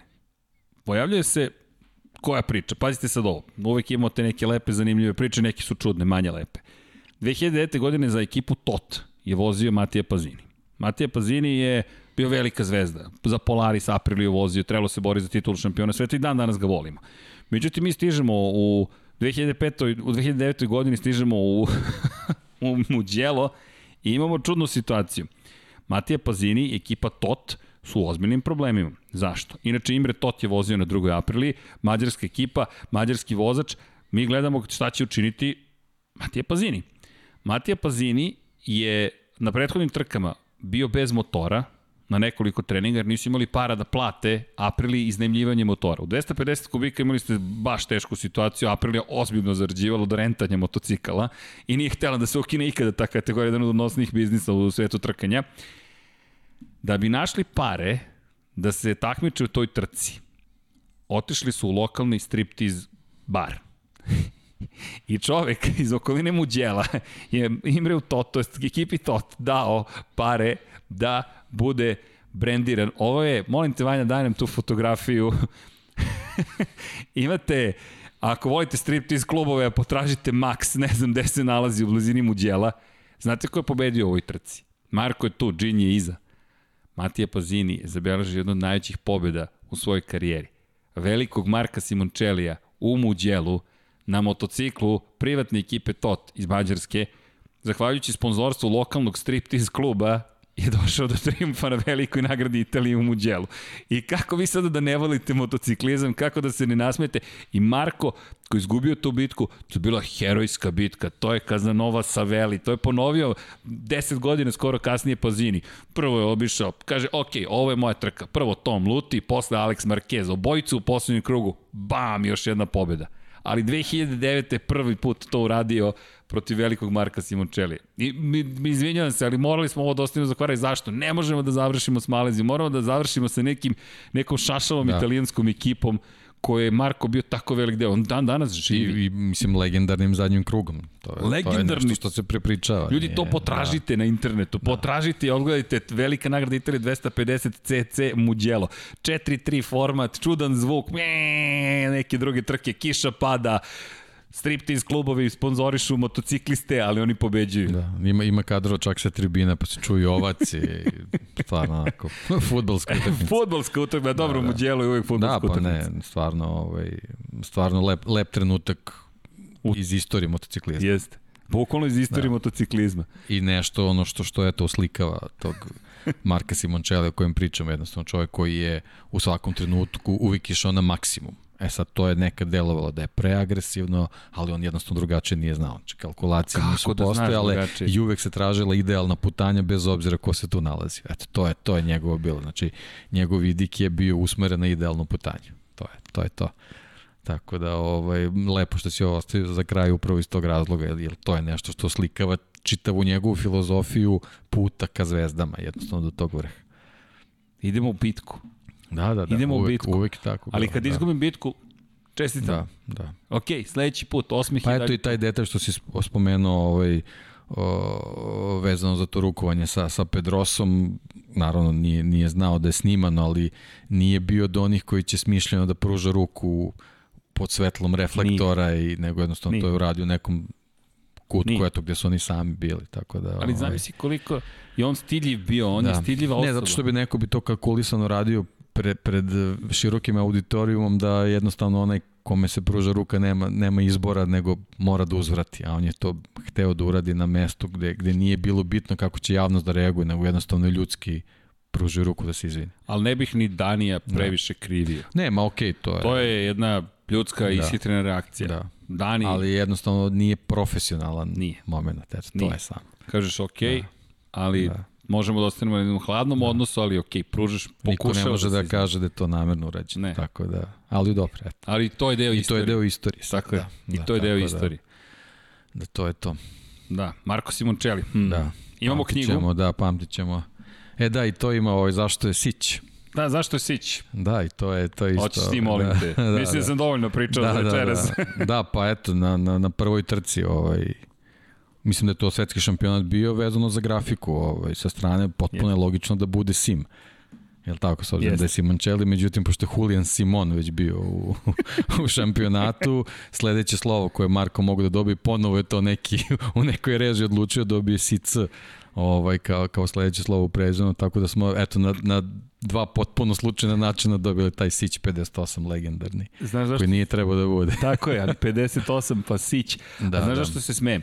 Ako ukucate pretragu u bazi podataka Dornirno i MotoGP.com i ukucate Simoncelli, izaći će vam uvek i Julian Simon uz njega. Da. Zato što baza podataka vuče i Simon.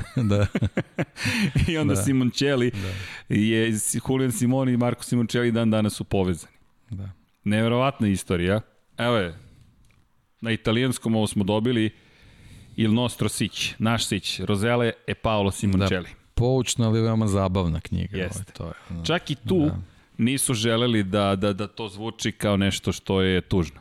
Ne, ne. knjiga je prelomljena onako veselo, razdragano, Jest. poletno, baš je ovako atipično potpuno. Ima tu, ima puno priča. Čujte, mi smo se dotakli samo jednog dela karijere njegove, jedne priče, ali to, to su ljudi koji su posvećeni od malih nogu ome, ali zato, treba pročitati celu Ma ima, knjigu. ima, ne, mislim ima mnogo zanimljivih njegovih citata i vezano za tu knjigu i, i, i, i bez knjige ovaj, jednostavno vidjeti koliko je on bio ovo jedna jedna vesela razdragana duša. Mislim to je to je ono pre svega što je što je bitno ovaj.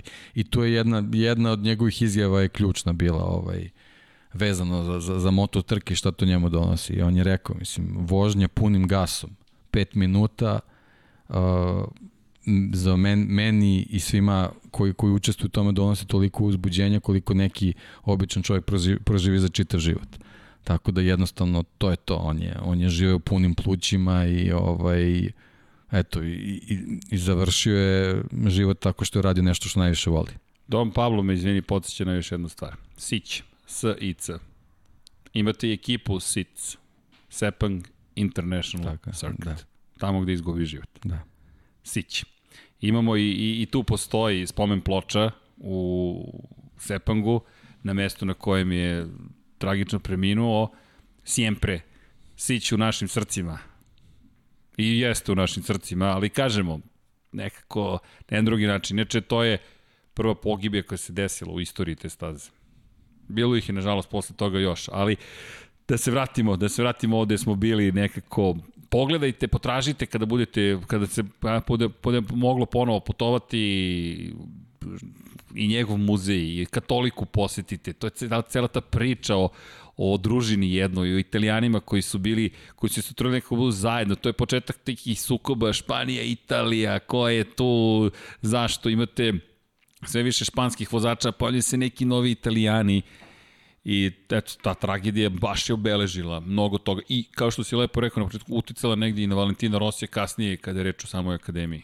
Pa moguće, da. Mislim, sad možemo da te neke stvari da nagađamo, ali jednostavno, eto, čovjek koji nažalost učestvovao u tom udesu, čovjek koji, koji je, koji, ovaj, se ono pratio Kovčeg na, na povratku u Italiju, znači jednostavno zaista zaista izuzetno izuzetno čvrsta veza i, i nema sumnje da je da je uticalo na njega i na, na neka kasnija razmišljanja ovaj vezano i za karijeru i za te neke poslovne poteze.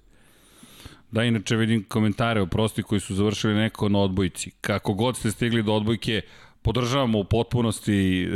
dakle, bio i NFL u komentarima. Okej. Okay da, ima, ima dosta, evo i konstatacija Lenina, da ima jedna prelepa slika na Rosijevom ranču, da na kojoj se stoje Marko i Vale na brodu leđima okrenuti i gledaju ka mestu gde će Vale kasnije podići svoj ranč. Da, ima mnogo lepih. Ima da, mnogo eto, možda su oni o tome zajedno i razmišljali i Moguće. sanjali, tako da vidjet ćemo. Možda će na Valentina jednog dana otkriti to. Na ranču. Na ranču. Na ranču. Ja mislim da, da je neophodno da, da pričamo o ranču.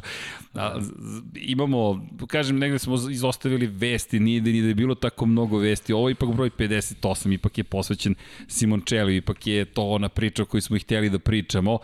Nadamo se da se ispoli delić vaših očekivanja, da, da, da prođemo neke stvari o Marku. Inače, porodice nastavila da vodi račun o tome da bude zaveštanje sačuvano. Tim postoji dan danas, Tim Sić 58 i Paolo Simoncelli predvodi tu ekipu, kao što smo rekli prošle godine Nicolo Antonelli i Tatsuki Suzuki i godine pre toga išli su inače kroz šampionat Italije, polako su napredovali do svetskog nivoa i ta ekipa dodržava duh. Ta pobjeda 2019. rekli smo kada su zajedno na pobjedičkom postoju u Herezu je bila, baš je bila nekako sentimentalna. Inače, staza u, u Mizanu je nazvana Marko Simoncelli. To je isto fascinantno na mestu na kojem je poginuo Shoeto Mizava. Staza se zove Marko Simoncelli u ulici Dajđira Kata i koliko smo svi nekako povezani koji volimo auto, motosport. Ne, ne zaista ne želim da zvučim kao neko koji izdvaja neki sport odnosu na drugi. Sve sportove volimo. Međutim, tako čuješ neke priče gde si u ulici da žira kada, da, da. gde u Da, nažalost, to su trojica momaka, eto, koji su možda ovaj, bili kandidati da u budućnosti budu svetski šampioni u raznoraznim kategorijama, pre svega mislim na, na Moto Grand Prix, ovaj, pošto su ova dvojica već već uznapredovalo do, do te kategorije, eto, nažalost, nikad nećemo saznati da li su zaista bili toliki potencijali, ali, ali sve je ukazivalo da su sva trojica bili, bili ovaj, šampionski materijal. Izvini što se smejem, ali slušaj sad ovo. Srki, može dogovor kada bude bila ruta 76. Da li možete da posjetite svaku stazu u šampionatu i pretrčite kao što si pretrčao stazu u Brnu? Hvala na lepim željama, to se tako kaže. to su baš lepe Mikrofon želje. mi više ne radi. da. Mislim Hajde. da je najmanji problem da se pretrče, samo treba doći do, do svih staza. Da, da, da, trenutno je to. Trenutno Mislim je da je manji problem pretrčiti. Da, evo vidim i dosta ljudi želi da upozna Valentina Rosija. Čujte, kada govorimo o posjetama, kada počne ponovo da se dolazi na stazu, ne možemo da garantujemo upoznavanje, ali ćemo se potruditi kao i svake godine, pogotovo u Brnu, da uvedemo što veći broj ljudi, neki od njih su ga upoznali, imali preko se fotografišu, uzmu autogram i tako dalje. Ako mi možemo, mi ćemo otvoriti ulazak padok. To ćemo mi otvoriti. Sve ostalo, e tu već morate da budete snalaživi. Niko od nas ne može da vam dovede Valentina Rosija, niti se tako ponašamo prema ljudima. Oni nisu cirkuska atraktivni su ljudi, ali kako poštuju sve navijače. I ako stanete i sačekate, pa budete malo uporni, malo i agresivniji, uslovno rečeno, ne previše, ne previše. I da imate dobru taktiku. Tako je. dešava se, znaš da. šta se dešava? Gde je guž među dva kamiona, zna da izađe sa spoljne strane i da posmatra situaciju. E, tu možete da čekate Valentina Rosija. Um... Iskustvo, taktika i sreća. To su tri ključni faktori. I neizbežno, sva tri, ne može Nema, samo jedno. Ne može samo jedno. Da, inače, Da, evo jedan od komentara za Lena, kaže, Vale je sam rekao da kad nema započeo zbog Marka jer hteo nekog s kim može se trke takmični van sezone kao što je ranije sa Markom. Tako je, tako to je. To. Da. to je ta priča. Ali da li ostaje da li ostaje sport, na sport klubu Moto Grand Prix 2021. Ostaje bez brige, ostaje i Formula 1, tako da mirni ste iz te perspektive. Srki, tebe moramo da upoznamo uživo. Zorić Matija. Matija, samo malo ova pandemiološka situacija. Napravit ćemo tribine ovde, Lab 76, pa ali to Vanja će nas vjerojatno sve izbaciti napolje ako budemo previše glasni. Vanja ovde glavni. Evo, već me gleda Dom Pablo podozrivo šta obećavaš opet. Ali polako, kad prođe sve ovo. Kad prođe sve ovo. Na, na Tašmajdanu? Može. može. Da, nekako teško otići od, od ove teme Marka Simončelija, ali činjenica da, ali dobro, da, da, da okay. prosto pamtit ćemo ga, neće biti verovatno poslednji put da ga spomenjemo, naprotiv, jedna od stvari koje smo sebi dali jeste neka, neke uspomene koje će biti tu, prosto svi, sve te šampione i ljude koje volimo i koji su bili tu prošli, koji, su, koji nisu sa nama, pamtimo, ali trudimo se uvek na, na, te, na taj lep način. Ali imam jednu, jednu, jednu stvar koju si ti spomenuo da, od koje moramo da pričamo tokom ove emisije. Radi se o broju 53, ne o broju 58 i meni je to pričao o nekoj vrsti vaskrsnuća. Pa mi je nekako lepa, pogledaj ovaj osmeh na licu. Esteve Tito Rabat. Potpisao ugovor, odlazi na Ducati u svetski šampionat u Superbajku i ja ne znam da li osjećaš istu dozu sreće, ti znam koliko ti si već izrazio prema što smo počeli da. snimanje. Ali ovo je čista radost. Svetski šampion iz 2014. Pa, ja sam na, na, na, na jednom od prvih podcasta ove godine kad smo razgovarali, kad smo ga spominjali, ja nekako moja procena je bila da, da u izlaz iz ove, ove nezgodne situacije što se tiče njegovog nastupa Moto Grand Prix može samo da bude Superbike. I mnogo mi je drago ovaj, što, eto, što, što smo slično razmišljali, mislim, ne, ne mogu tako da kažem, ali drago mi je što, što je krenuo u tom smeru. A, mislim da je, da je dobro razmišljanje da ostane na Ducatiju, ovaj, to, je, to je neka slična priroda, bez obzira što ta dva motocikla su nebo i zemlja, ali mislim da je, da je dobro što ostaje u tom Ducati okruženju, tu, tu se neki ljudi već poznaju, znaju se neki inženjeri i tako dalje i tako dalje, tako da mislim ovaj, da, da ovaj, to može da bude dobra priča, posebno što znamo da, da, da ti to je i finansijski obezbeđen, tako da verujem da i taj budžet koji on donao ovaj, u, u privatnu ekipu, to moramo da naglasimo da, da u privatnoj ekipi nastupa, ovaj, da, da će biti dovoljen da da, da, da, da, da, da čitav njegov nastup u, u Superbajku bude na, na, na pravom nivou. Posebno ako je, a nadam se da je tako, da je fizički potpuno spreman, znamo koliki je radnik, znači on će se sad maksimalno pripremiti ovaj, za čitavu priču i mnogo je lakše navik, naviknuti se na, na Superbike nego na, na prototip, tako da, da verujem da, da, da jedva čekam, mislim, mnogo mi je drago što, što je to zvaničano, jedva čekam da ga vidim ovaj, u, ovaj, u, u takmičarskom ritmu. Izgledaš kao dečak, da, kao dečak, da. onako Pa ne, stvarno, mislim, on je, on je toliko srećan, dobar, dobar uzbuđen. bio u toj, toj Moto2 priči da Ovo, ja, ja sam stvarno puno i očekivao Moto Grand Prix, ali eto, nažalost, mislim, taj kompletan splet, pa da, i, ta, I ta taj povreda. nekonkurentan početak i povreda i sve živo, mislim, to su neke stvari na koje nije mnogo, mogo mnogo da, da utiče, tako da ovo, ja se nadam sad, ka, kao, kao ne, ne, neka priča, mislim, nije, nije za poređenje zbog, zbog dostignuća, ali skoro da jeste kao, kao Max Bjađi.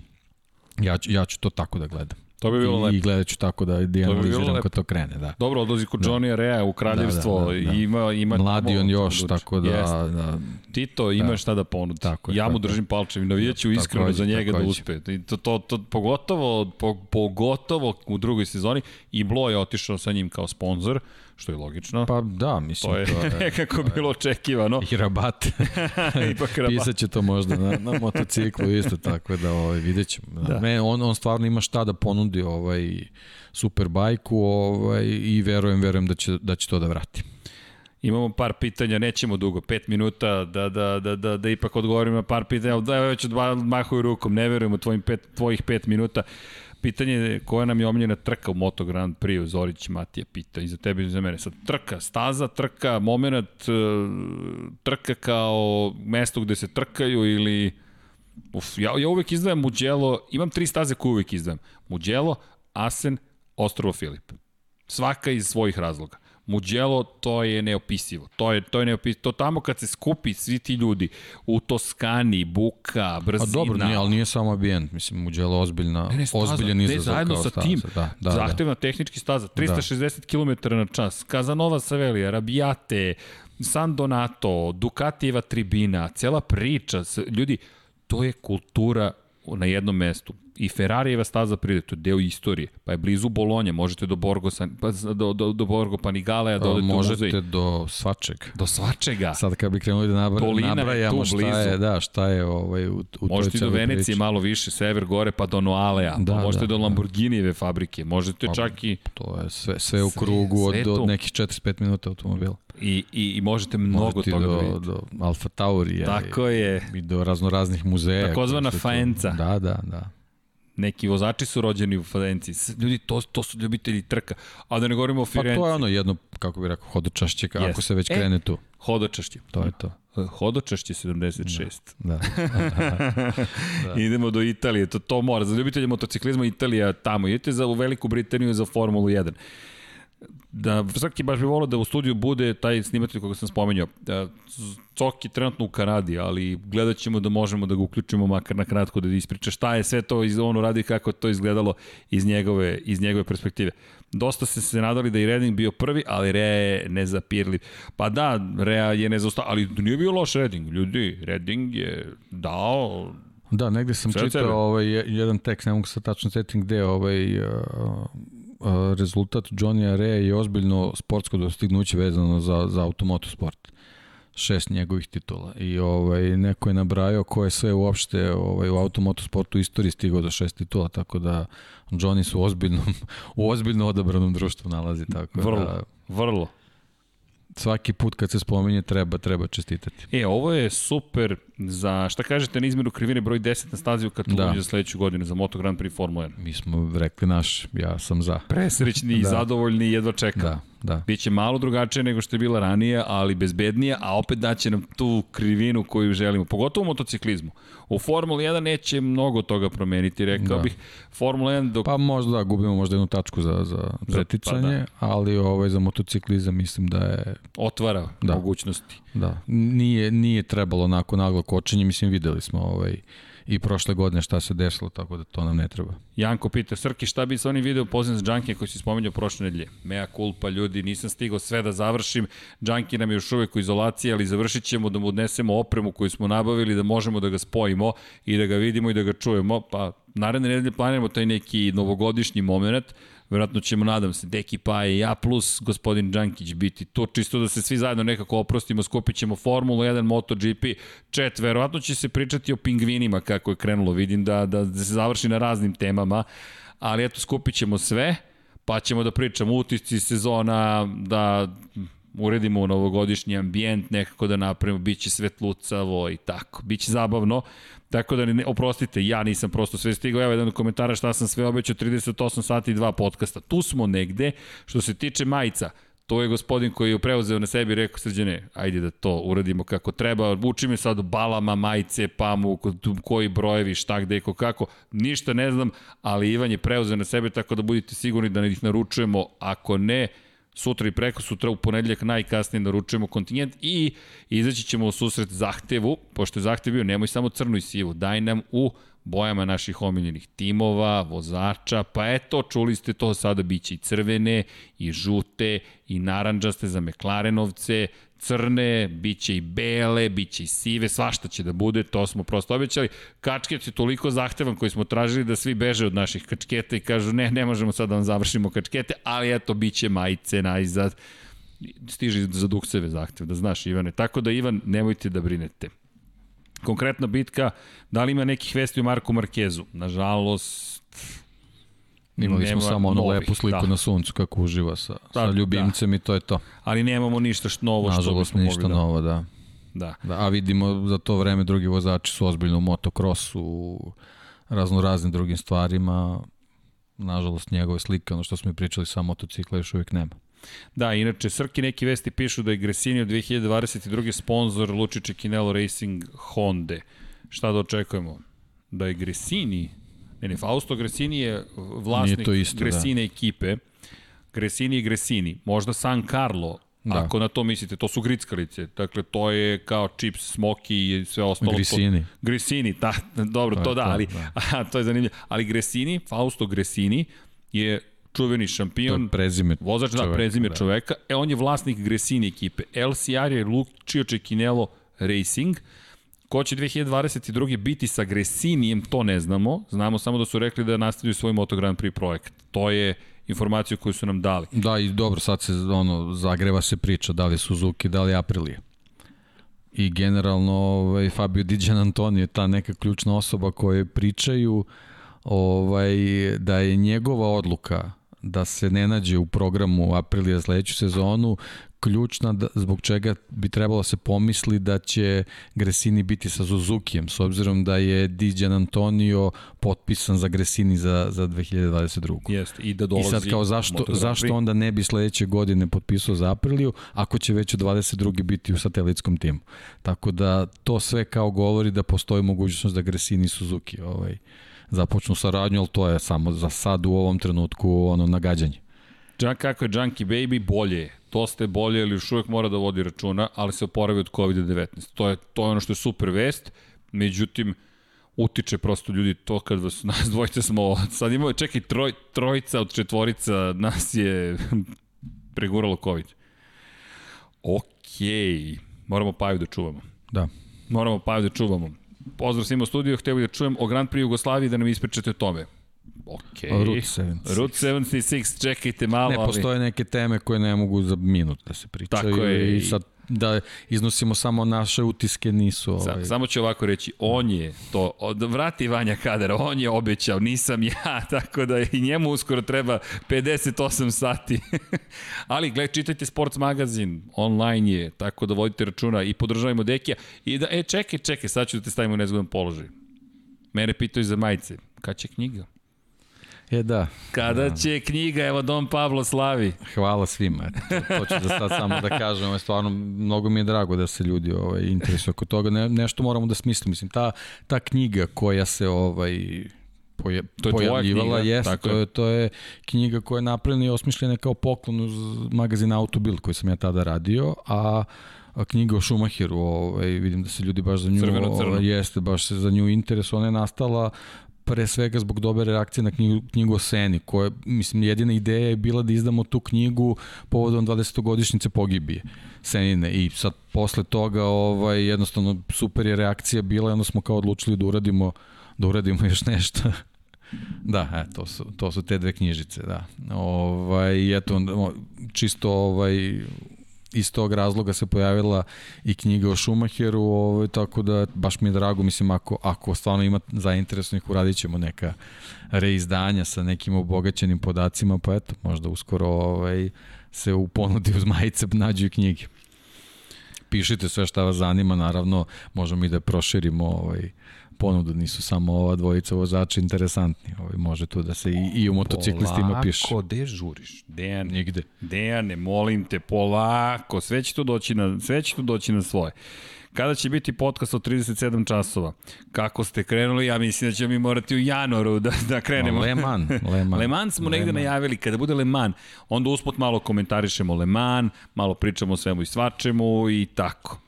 6,5 sati pre, 24 sata trke, 6,5 sati odjave. Eto, ja Evo, mislim da je to okej. Okay. Kaže Damir, ja imam tu knjigu. Nadam se da je dobra. Ja znam da jeste. Da, ima zainteresovanih, potrudit ćemo se oko knjige. Štrki, šta više voliš, Moto Grand Prix ili Formula 1, reci slobodno mišljenje, moraš da ga imaš, ne skrivaj ga. Šta više volim? Čekajte ljudi, pa kako? Pa evo, koliko volim i Formula 1 i Moto Grand Prix, došli smo do toga da Lab 76, koje je trebalo da bude sniman jednom nedeljno, se radi dva puta nedeljno. A uz formulu student tri puta nedeljno. Pa ja ne znam šta, šta voli. Ljudi, evo pričat ću, ajde, pitanje je za mene bilo. Ja ovo obožavam. Ja obožavam trke od malih nogu, zašto nemam predstavu, ali ih obožavam. Na, na svaku na svoj način. Moto Grand Prix, ljudi, to je adrenalinski udar. Ja kad izađem posle Moto Grand Prix komentarisanja, to ja se ovako tresem, idem tamo po Novom Beogradu, se šetam, ne znam šta ću. Na stazi kada sam, završim jedno sat, još jedan sat sam u kabini otprilike. Bukvalno, ali to je, ljudi, to je razlika. Moto Grand Prix kao adrenalinski udar. To je čista ovako energija. Ko neko uzme nadobržnu žlezdu i samo up, adrenalin u nju. A Formula 1 je na drugi način zanimljiva. To su toliko, to je toliko priča. Tehnologija je dostupnija, uslovno rečeno. Formula 1 teraju da, da dozvoli da se fotografiše, da se istraži, da se priča o tome imate strategiju, imate dužu trku. Jedno je 42, 3, 5 minuta, drugo je sat i po, sat i 45. U Singapuru 2 sata, to znaš da će 120 minuta trajati. Potpuno je drugačije. Odete na trku Moto Grand Prix-a. Ljudi, to i dalje... Evo šta je meni najveći utisak. Obožavam ih podjednako, samo na, na drugačiji način to izražavam. Moto Grand Prix. Gledam sada, Lando Norris poklanja kacigu Carlosu Saincu, Sergio Perez dobija kacigu Fetela, Fetel mu čestita, drugari su na Instagramu, jao super mi, mnogo mi je drago što dolaziš, jao delit ćemo garažu, jao jedva čekam, hoćete biti zabavni mapetovci kao što ste bili prošle godine. Pole Espargaro je potpisao za Honda Repsol. Mislite da je Mark Marquez na Instagramu rekao, baš se radujem što dolaziš kod mene? Sve što će Pole Espargaro dobiti će biti nijedan jedini pogled upućen na njegovu stranu garaže Ne kažem da je to dobro ili loše, ali ljudi, vi imate bukvalno ratnike u Moto Grand Prix. Kakva crna podrška. Ti ulaziš u moju garažu, pa obrisaću te na stazi. Ne ovako. I to je sada razlika. Sad, šta mi gledamo? To liči da je slično. Nigde tu sličnosti više nema. Suštinski, vi imate potpuno drugačije sportove. Vi imate u ovom momentu Moto Grand Prix kakav je Formula 1 u jednom momentu bila. Pa ne, to je ista borba samo za veliku nagradu. To je jedino što je, što je spoj, sve ostale potpuno, potpuno drugačije. Potpuno. I svako ima svoju lepotu. Zaista ima svoju lepotu. Kada pogledate Formula 1, imate toliko tema uvek. Moto Grand Prix, tema je trka. Glavna tema je trka. Pogledajte sada vesti Formula 1, stalno se nešto dešava. MotoGP-evci, ma kak, oni sad sede, odmaraju. I, ili su na motokrosu. Ili su na motokrosu, to sam hteo da kažem. Ili su na motokrosu, oni pričaju samo na stazi. Samo na stazi. Tu je najveća razlika s Valentino Rossi. On je prvi koji je izašao iz toga, iz Duonovskog stila. Šta ima da pričamo? O čemu imamo da pričamo? Ja sam izašao na stazu i bum, to je to. Tako da ljubav, podjedaka, verujte i ne lažem vas, ja to, to o, obožam. Da li imam, evo, možda sam slabiji ka Moto Grand Prix. Ne bih to rekao ljubav, ali ljudi, Moto Grand Prix nekako u jednom momentu to je bio celokupan moj fokus. Samo time sam se bavio. Ne, ne znam, nemam neki pravi odgovor. I drugo, šta je razlika s Moto Grand Prix? Dorna je tu mnogo pomogla. Dorna nam je otvorila vrata koje Formula 1 nam nikad nije otvorila. Nije nam otvorila. Drugačije. Ljudi, mi bukvalno sedimo, evo kako Deki sad sedi ovde, mi tako sedimo s Valentinom Rosijem. Ne jednom, pet puta, deset puta. Kada ga prvi put upoznate, wow, prvi put intervjušite Markiza, wow, peti put i dalje je wow, ali vi se osjećate da pripadate tom svetu. A u Formuli 1 vrata su zatvorena. U velikoj meri su zatvorena. Evo, Deki, ti znaš kada smo bili na Moto Grand Prix, sve nam je otvoreno. Ali ne zato što smo, da, vredni smo, poštujemo dogovore, radimo neki posao. Da, ali poštuju oni tvoj posao. Tako je. Maksimalno, tako zaista je. maksimalno. Da. E, to u Formuli 1 razlika. mnogo moraš da radiš da bi se dokazao da te puste u svoj svet. Circle of Trust. I mi mnogo radimo, ali da. nismo da. došli do toga da. da u jednom trenutku neko kaže, ej čekaj, ok, ovo što radite je na tom i tom, ne nivou, nego moraš da odeš na stazu. A to se sada to svodi više na na nešto što ćemo rešiti i kad počnemo da prodajemo majice, onda ćemo imati sponzore, to jest vas u podršci onda ćemo da kupujemo kabine i tako dalje. Šalu na stranu, ali Da, inače, sve što prodamo, jedan deo će ići u dobrotvorne svrhe, to smo rekli. I bit će one roze majice o kojima smo pričali. Ne zamerite, ne stižemo baš sve, nema nikakvih opravdanja, ali ova godina je izazovna, recimo tako. I raspričak se.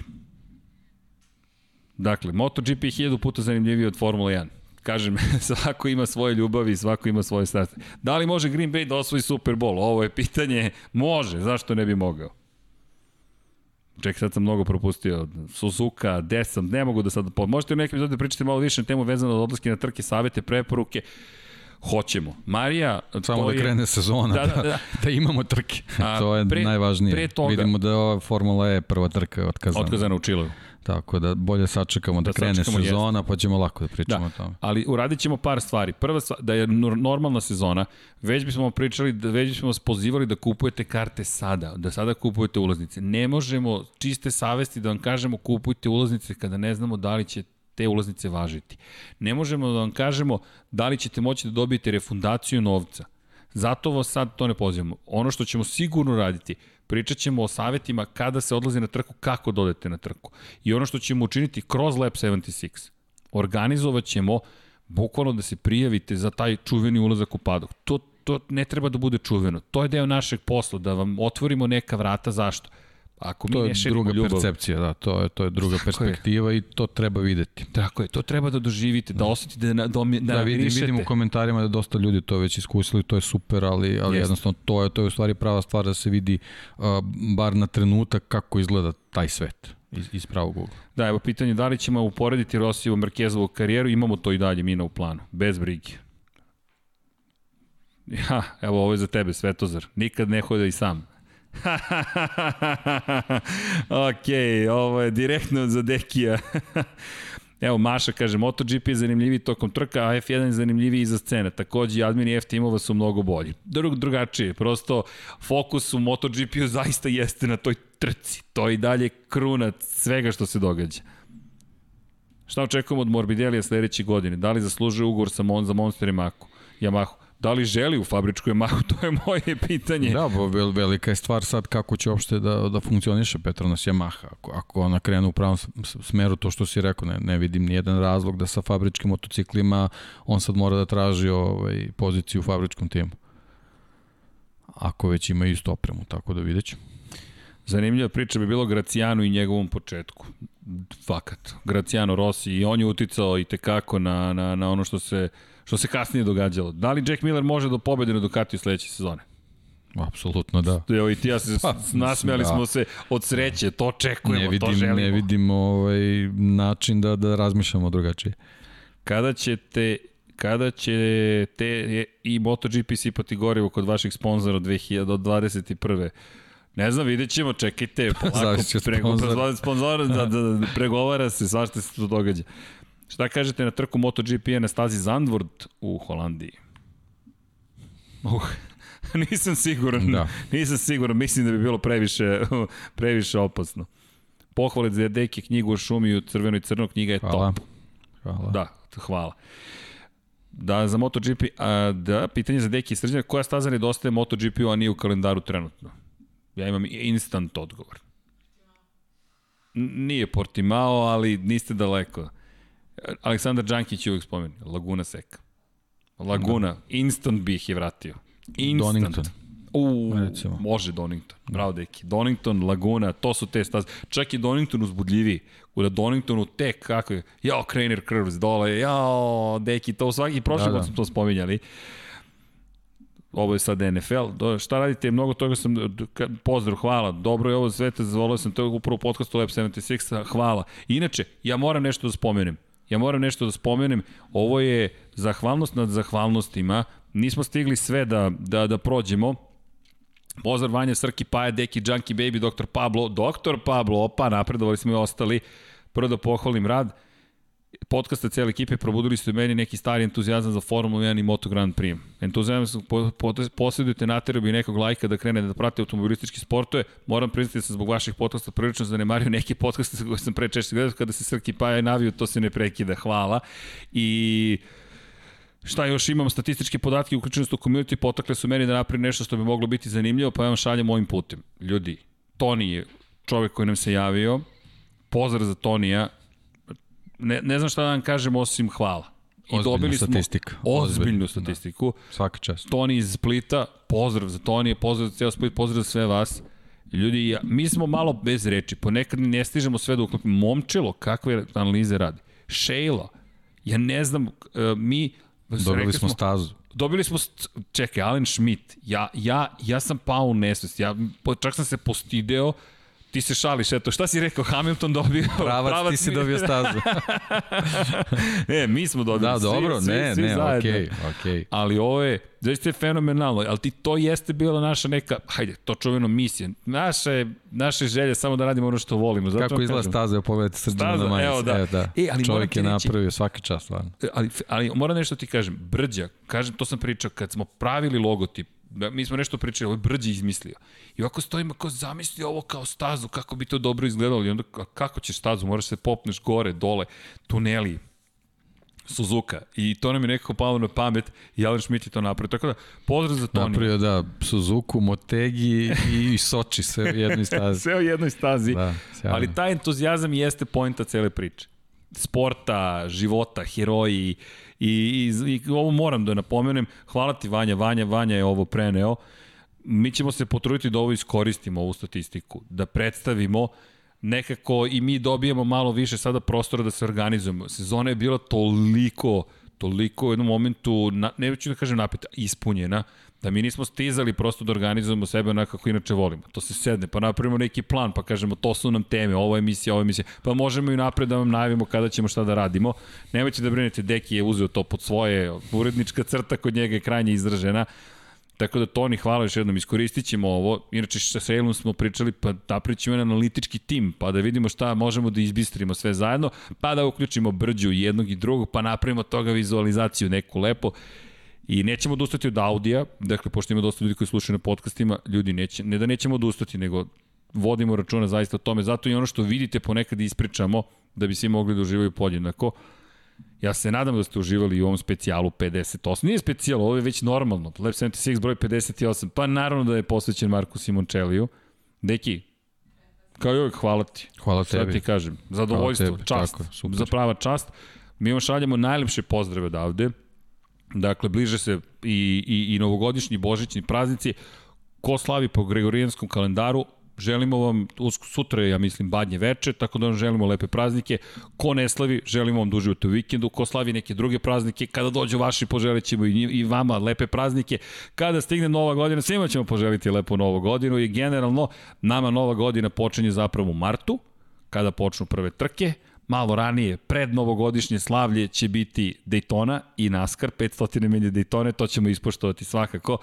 Ali eto, pre svega želimo da se zahvalimo svima i da vam poželimo da budete zdravi, pravi, da vodite račune drugima i da pamtite Marka Simončelija, ko nije do sada bio prilici da se upozna sa njegovim likom i delom, nadam se da smo ga malo približili.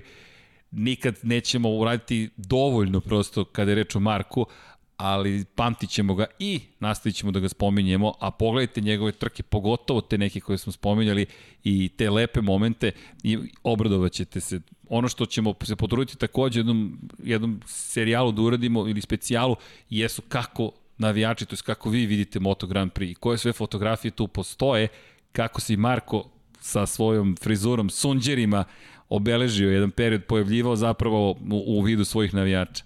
To su neke scene koje se pamte.